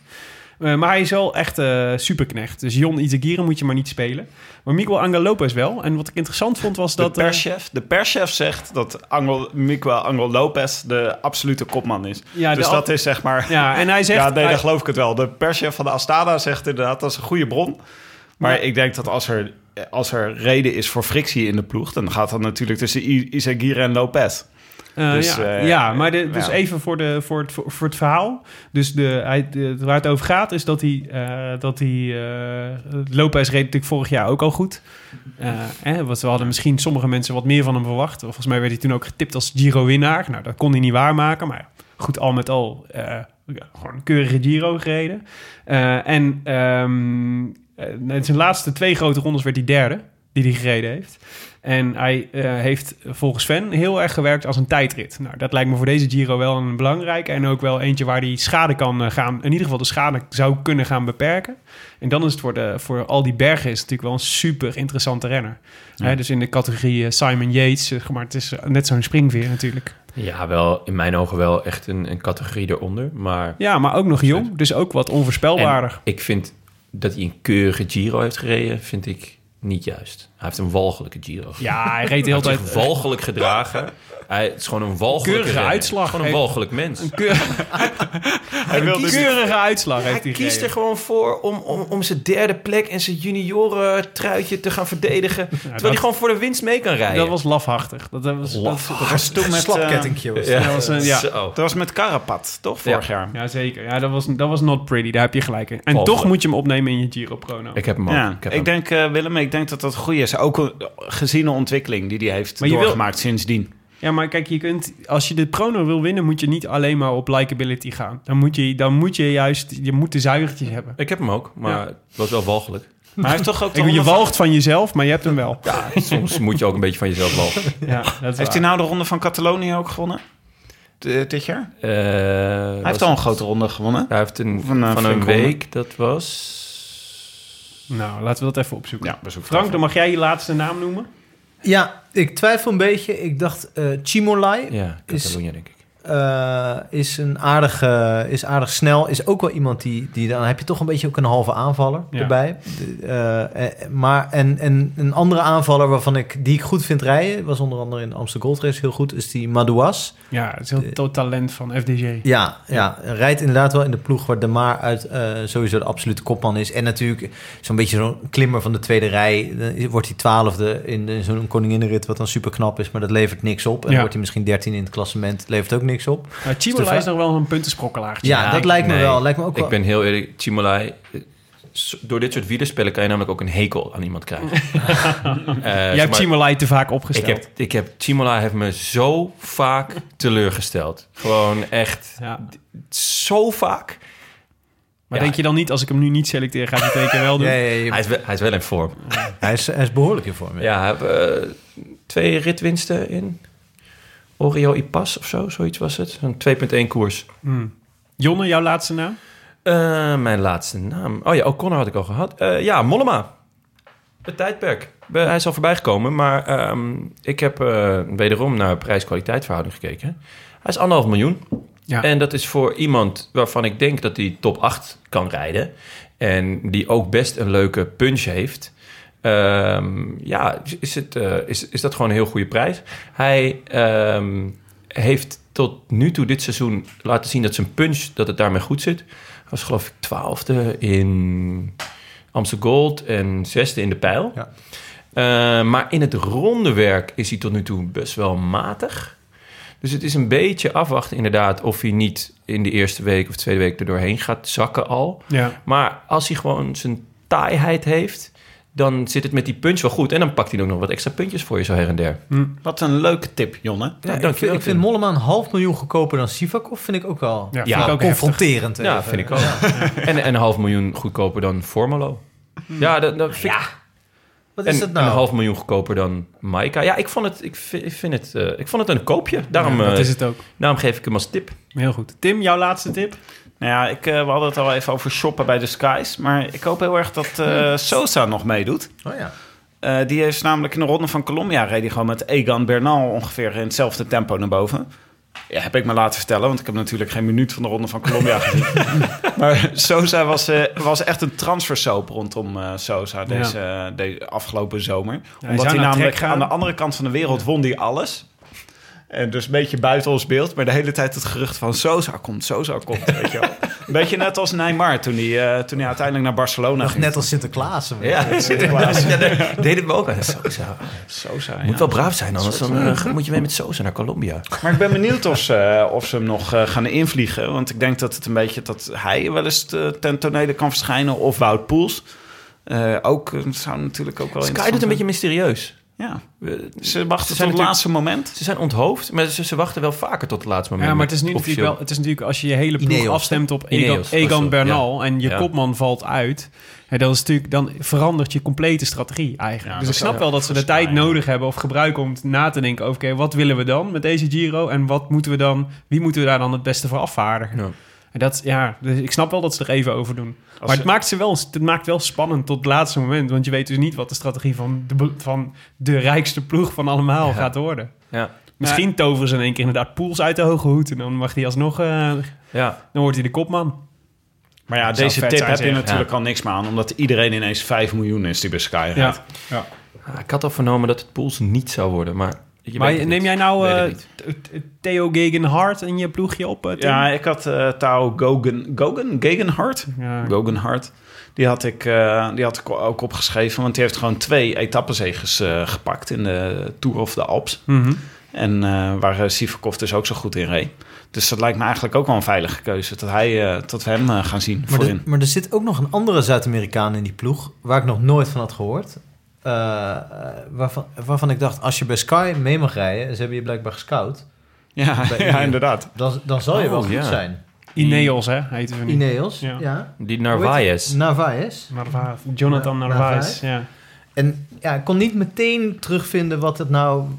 Misschien die- leuk om hem blind te selecteren voor je Scorito. Precies, ja, gewoon echt bent. als je een beetje on the edge wil leven. Zeg maar. ja. Ja, het, is niet... eh, De uitslagen zijn niet... eh, nee, nee, nee. Hij is, als er in het, bij de top results een vijftiende plek in de Lar- Larry H. Miller Tour of Utah staat van 2017, dan kunnen we niet echt spreken van een hoogvlieger, ben ik bang. Ja, maar hoe komt hij dan bij Sky terecht, zo iemand? Is dat net als bij de Ja, Formule misschien 1 dat hij dan... Dat zo'n Misschien een prijsvraag dan, eh, gewonnen. Dat idee ja. heb ik bij de rechtsback van Ajax ook, die Christensen. Ja, Ja. misschien kunnen ze een keer ruilen. Hij was Nou, allemaal over ruilen eh, gesproken, dat ja. kan dus met Hart. Als, hij, als Hart van shirtje ruilt met eh Ome, niemand die het opvalt. Ze lijken echt enorm op Echt waar? Absurd. Ja. Oh. Dat is echt absurd. Soort Willem, Mijntjes en Ik zou- O'Connor. Ik zou het niet doen. heb jij nog een eh, laatste geheim tip? Ja, en die hangt wel samen met, eh, met, eh, met de, de volgende categorie. Namelijk mensen die je er zeker uit moet houden. Uit je wielerprono. Of uit je Scorito. Namelijk, ehm, en die, dat is bij mij... ik heb het toch een beetje op intuïtie gekozen. Ik mag mezelf nog altijd eh, graag op de borst kloppen... Op dat, ik, eh, dat ik ooit Froome niet had geselecteerd voor de, een, voor de Tour... waarin hij eh, in de week 1 op de kasseien onderuit ging... en zijn eh, sleutelbeen brak. Toen iedereen, letterlijk iedereen in mijn eh, wielerpool wel Froome had... En ik dus eigenlijk in week 1 al wist dat ik hem zou gaan winnen. Want dat, ja, Froome was zo duur dat je gewoon, als je, als je die niet had, kon je vier andere klassementsrenners kopen. Is dat die keer dat jij naar Roubaix bent gegaan met heel veel motorolie? ik, daar kan ik niks over zeggen. Maar dat, nou ja, het zou er iets mee te maken kunnen hebben. Zover ben ik wel bereid om te gaan om een wielerprono te kunnen winnen. Had je toen wel Contador? Eh, ja, Want die ging ook op zijn snuffert. nee, ehm, eh, god, wie had ik toen al? Nee, dat is veel te lang geleden. Dat weet ik allemaal niet meer. Maar in ieder geval niet Froome toen. En ik heb een, wederom toch een vervelend voorgevoel over Simon Yates. Ik denk, eh, ik denk ik, er gaat iets, er gaat, er gaat niet, gaat niet goed komen met Simon, deze Giro. En als dat zo is, dan, dan is er een hele goedkoop alternatief in die ploeg. Dat is namelijk Esteban Chavez. Die echt extreem goedkoop is. In ieder geval in, eh in wielerprono, omdat hij vorig jaar eigenlijk amper iets gepresteerd heeft. Dus die kost bijna niks. Ik weet niet wat die kost in Scorito, maar Anderhalf miljoen. Net zo duur als als Mollema. Nou, dan zou ik voor Mollema gaan. maar als je Mollema, als je ze allebei kunt hebben, dan zou ik, eh, dan zou ik Chavez er lekker bij nemen. Want dat is hartstikke leuke, ja. leuke, leuke renner. Als jouw gevoel net zo goed is als bij eh, Yves Lampaard... dan ga ik vast wat Engelse champagne eh, kopen voor eh, Yves, Simon. Yves gaat mij gelijk, in de, Yves gaat mij de komende, mijn gelijk de komende jaren nog wel bewijzen. Nou, ik moest wel veel aan je denken. Want je had afgelopen tour, had jij eh Gaudu schreef je de hele tijd op. Etappe na etappe. Ja, ja. Maar toen deed hij niks. Maar je was eigenlijk een beetje eh, de Ja, ik, ben troepen er altijd te vooruit. vroeg, ik ben er altijd te vroeg Ja, bij. Want ja. hij rijdt eh, dit seizoen echt heel erg goed. Ja, dus, eh, dus deze of volgende Giro gaat niet goed voor Simon Yates. Daar komt het eigenlijk, eh, daar komt het eigenlijk op neer. Dus pak Chavez. Maar dus Simon Yates moet je er voor mij uithouden. Tim, wie moeten we er voor jou uithouden? Ja, Nibali zou ik niet meenemen. Welke van de twee? Vincenzo, denk ik. Antonio wel. Ja, Antonio. Eerste Antonio-. Antonio Die reed heel goed in de Tour of the. Alps. Ja, ja, ja, nee, maar dat... eh, eh, nee, Nibali is... ja, ik heb Nibali gewoon nooit een heel, heel erg goede rondrenner gevonden. Ik heb toch een beetje koning één in het land der blinden als, eh, land der blinden als iedereen op zijn op muil lag. Omdat jij motorolie over het eh, parcours van Roubaix had gegooid. Dan, eh, dan wint Nibali. Heb je het nou over Nibali? Ja, Ja, Nou ja, shocking. Ja. alle, alle grote rondes gewonnen. Milaan Sanremo Ja, gewonnen. maar Frank, Ja, maar- wat stelt dat nou helemaal voor? ja, inderdaad. Nooit echt een goede ronde. Het is maar wielrennen. Nee, nee, maar hij is... ja, op- ja, zo na, na jaren deze podcast. ik vind het ook ik vind het shocking, maar goed. Nee, maar ik denk gewoon dat Nibali is eh, heel erg goed als de tegenstanders slecht zijn. Ik denk dat er nu een ontzettend sterk deelnemersveld is... en dat Nibali niet mee kan doen met het geweld. Ja. Maar ja, Stel je voor dat iemand dit nu over Ajax zou zeggen. Dat was knok hoor. Oké, Nibali. Die, eh, nou, oké. En Gaviria ook niet. ik, nee, ik zou Gaviria niet meenemen. Ja, eh, je moet hier een beetje... stijgt hij weer hoor. Ja, ja. Moet het, moet het een beetje aandurven, jongens. Ja, ja. Gaviria is vaak wel duur, inderdaad, voor wat hij... eh, dat klopt. Ja, dat is ook de afweging die je moet maken. Hoeveel geld je moet betalen voor iemand... en hoe groot de kans is dat ze de belofte zwaar maken. Jonne, wie moeten we niet meenemen? Eh, Dr. Potso. Die is eh, beter in het voorspellen van het weer dan in het winnen van etappes. En eh, hij is op zijn snuffert gegaan. Ik kan me niet voorstellen dat het goed met hem gaat, want ik eh, meende al zijn tanden op de weg dat te zien. Maar hij staat gewoon op de, op de startlijst. Maar 2,5. Kost hij veel geld? Is hij duur? Nou, Nou, dat is een miljoen duurder dan eh, Mollema. ja, inderdaad. Oké. Dus eh, ja, die zou ik niet nemen. Pozzo Vivo niet. Frank? Nou ja, er, er rijden volgens mij twee Japanners, als ik het goed heb. Maar ehm, ik, ik heb er eentje eh, specifiek op het oog. Eh, of specifiek niet op het oog. En eh, dat is... eh, ja, ik, ben, ik ben nu weer... Hiroki heet hij in ieder geval. Hiroki Nishimura. Nishimura.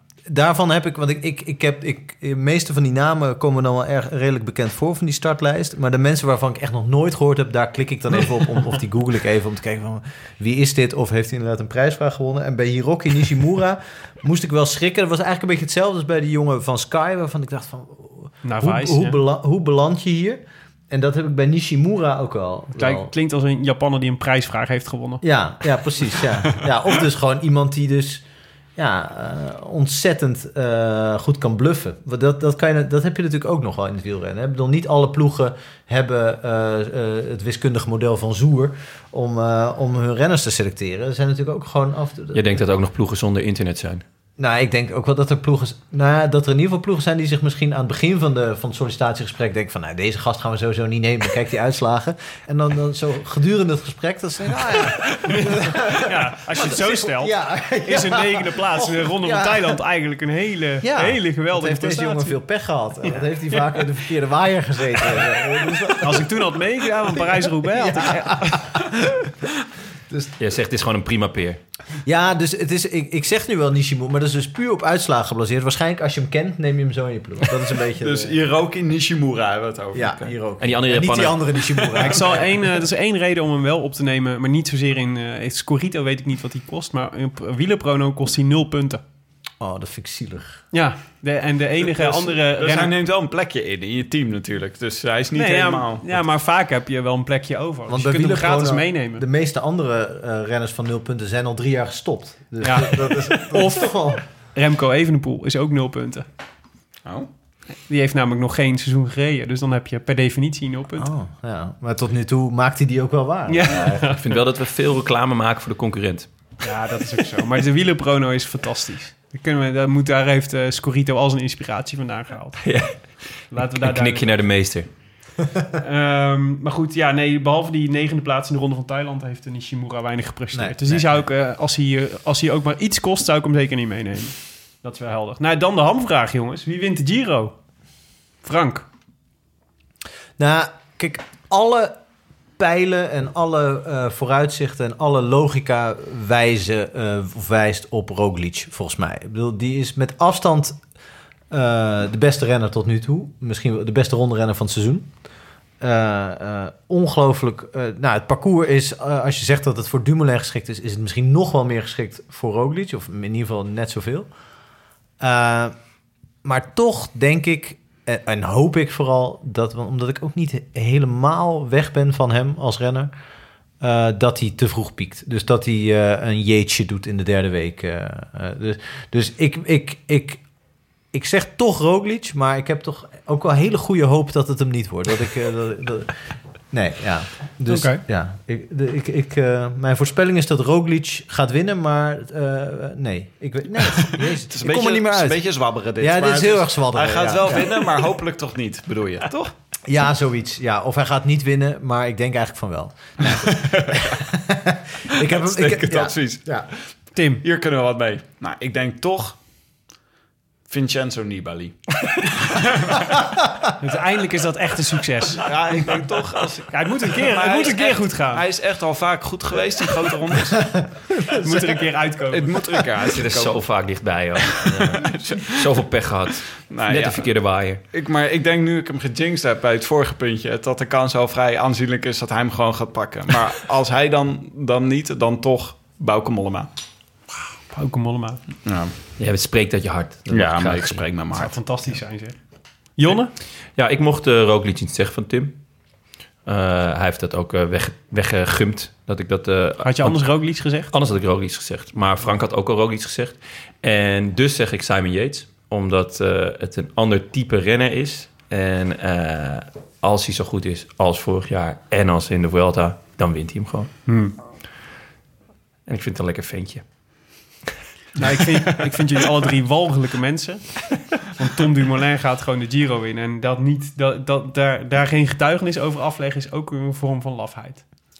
Ja, jongens, Ik denk dat Jullie zijn de Miguel Angel Lopez De- van deze podcast. Hij wordt tweede. De context is wel dat wij dit dus van tevoren in een lijstje invullen. En dat Willem alles als eerste had ingevuld. Dus de Ja. optie Dumoulin voor ons ook niet helemaal meer open was bij Ik deze had vraag. prima kunnen zeggen, ik ben het daarmee eens hoor. Nee, nee, dat de regel is, je kiest niet dezelfde als je Hè? collega's. Ik, ja, ik wou net zeggen, ik heb net iemand ingevuld en dat werd niet geaccepteerd.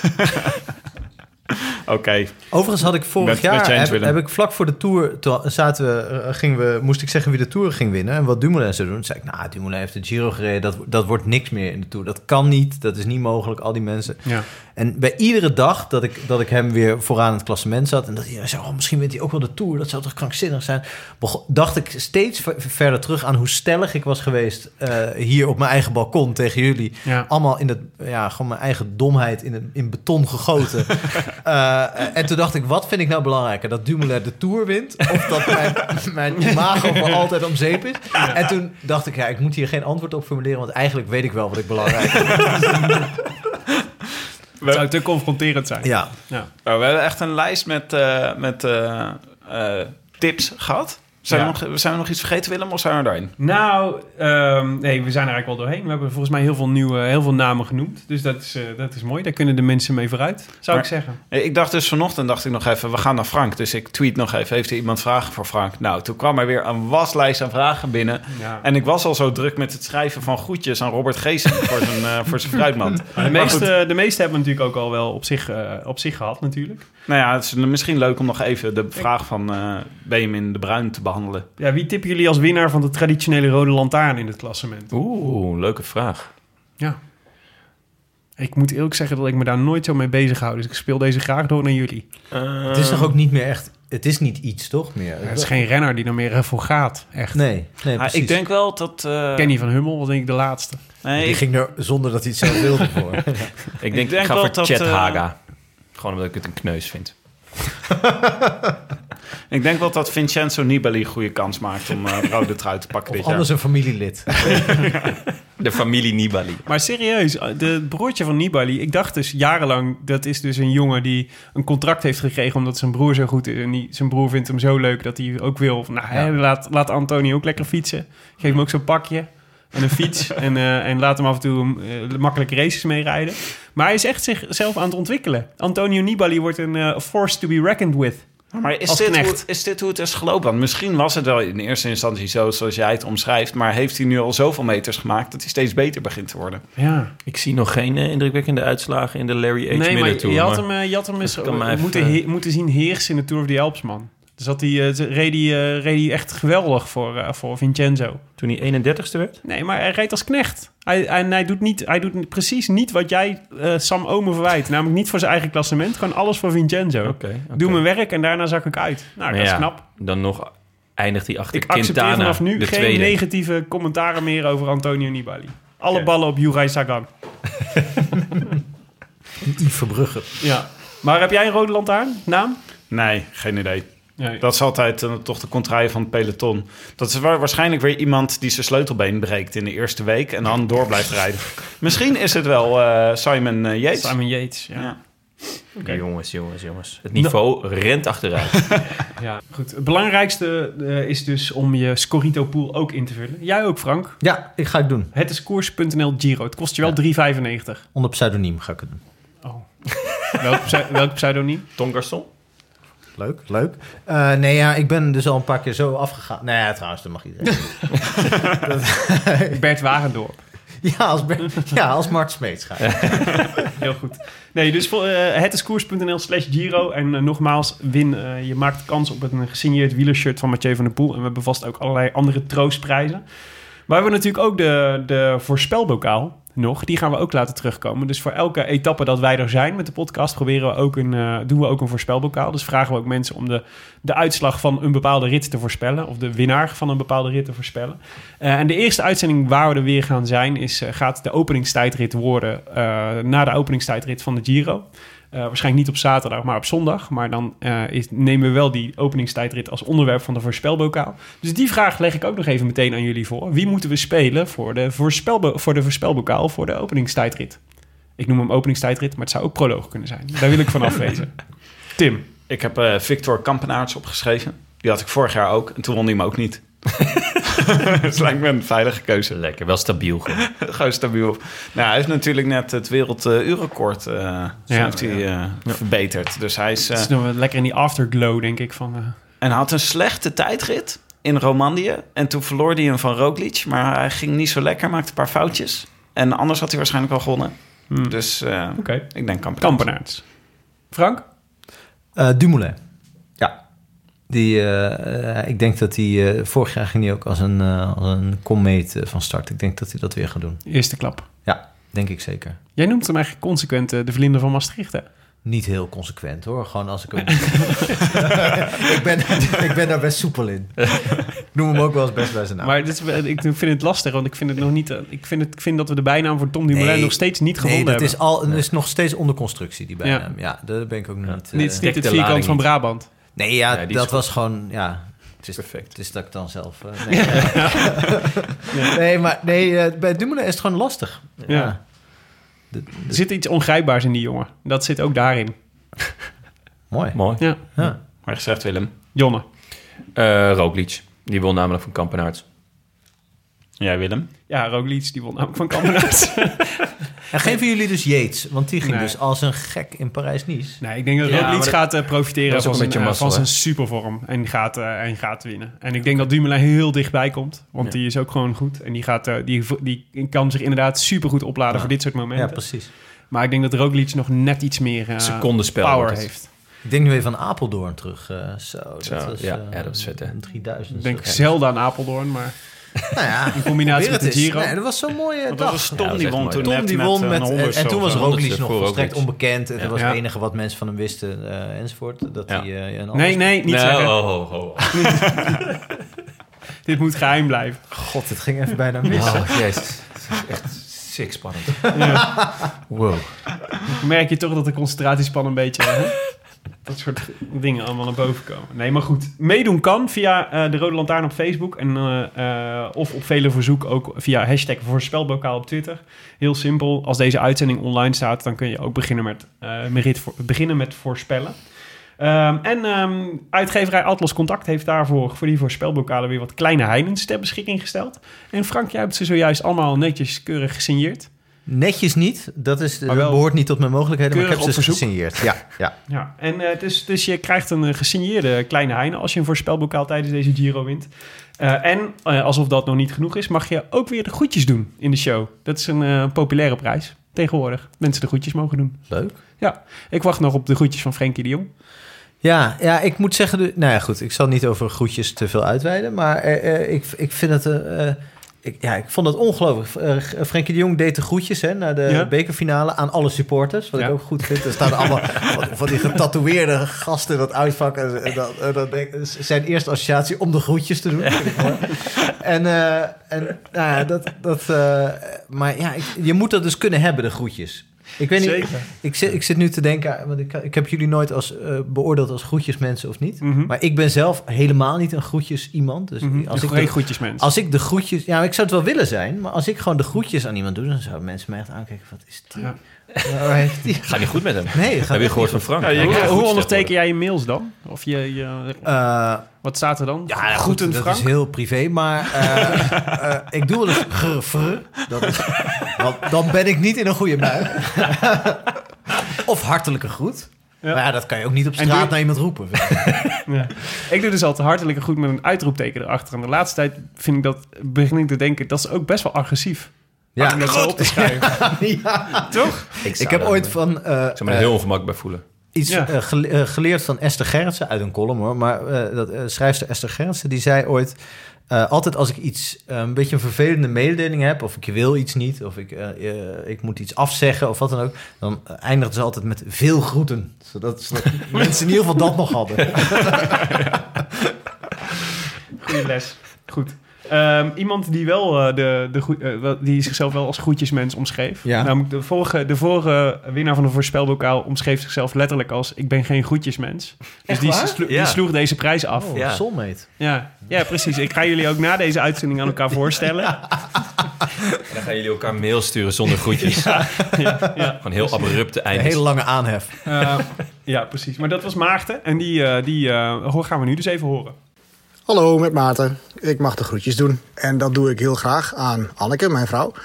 En aan Emma en Anna, mijn dochters. In de stille hoop dat zij hierna deze podcast gaan verkiezen boven Peppa Pig. Dus de groetjes. Peppa Pig is toch ook een van jouw favoriete programma's, Willem? Eh, ja. ja, mijn kinderen beginnen nu uit de Peppa Pig-periode te komen. Maar nog niet in de, in de Tom Dumoulin-periode. Was het probleem niet... Heb jij niet ooit verteld dat door Peppa Pig jouw kinderen de hele tijd in plassen water gingen liggen? Sowieso. Ja, en het gevoel krijgen dat als ze heel hard lachen, dat ze dan om moeten vallen. Want dat, doet, dat doen alle varkens. ja, het is echt heel slecht voor de opvoeding. Ik ben dol op Peppa Pig. We zijn, eh, weten. we zijn aan het einde gekomen, of niet? Ja, zeker. Nou, dit, eh, dit was het. De grote Giro-voorbeschouwing. De Giro 2019 voorbeschouwing van de Rode Lantaarn. Gepresenteerd door uw favoriete bankzitters... Willem Dudok, Jonnes Riese en ikzelf, Tim de Gier... en onze speciale gast Frank Heijnen. Met grote dank aan onze nieuwe sponsors Corito en Canyon.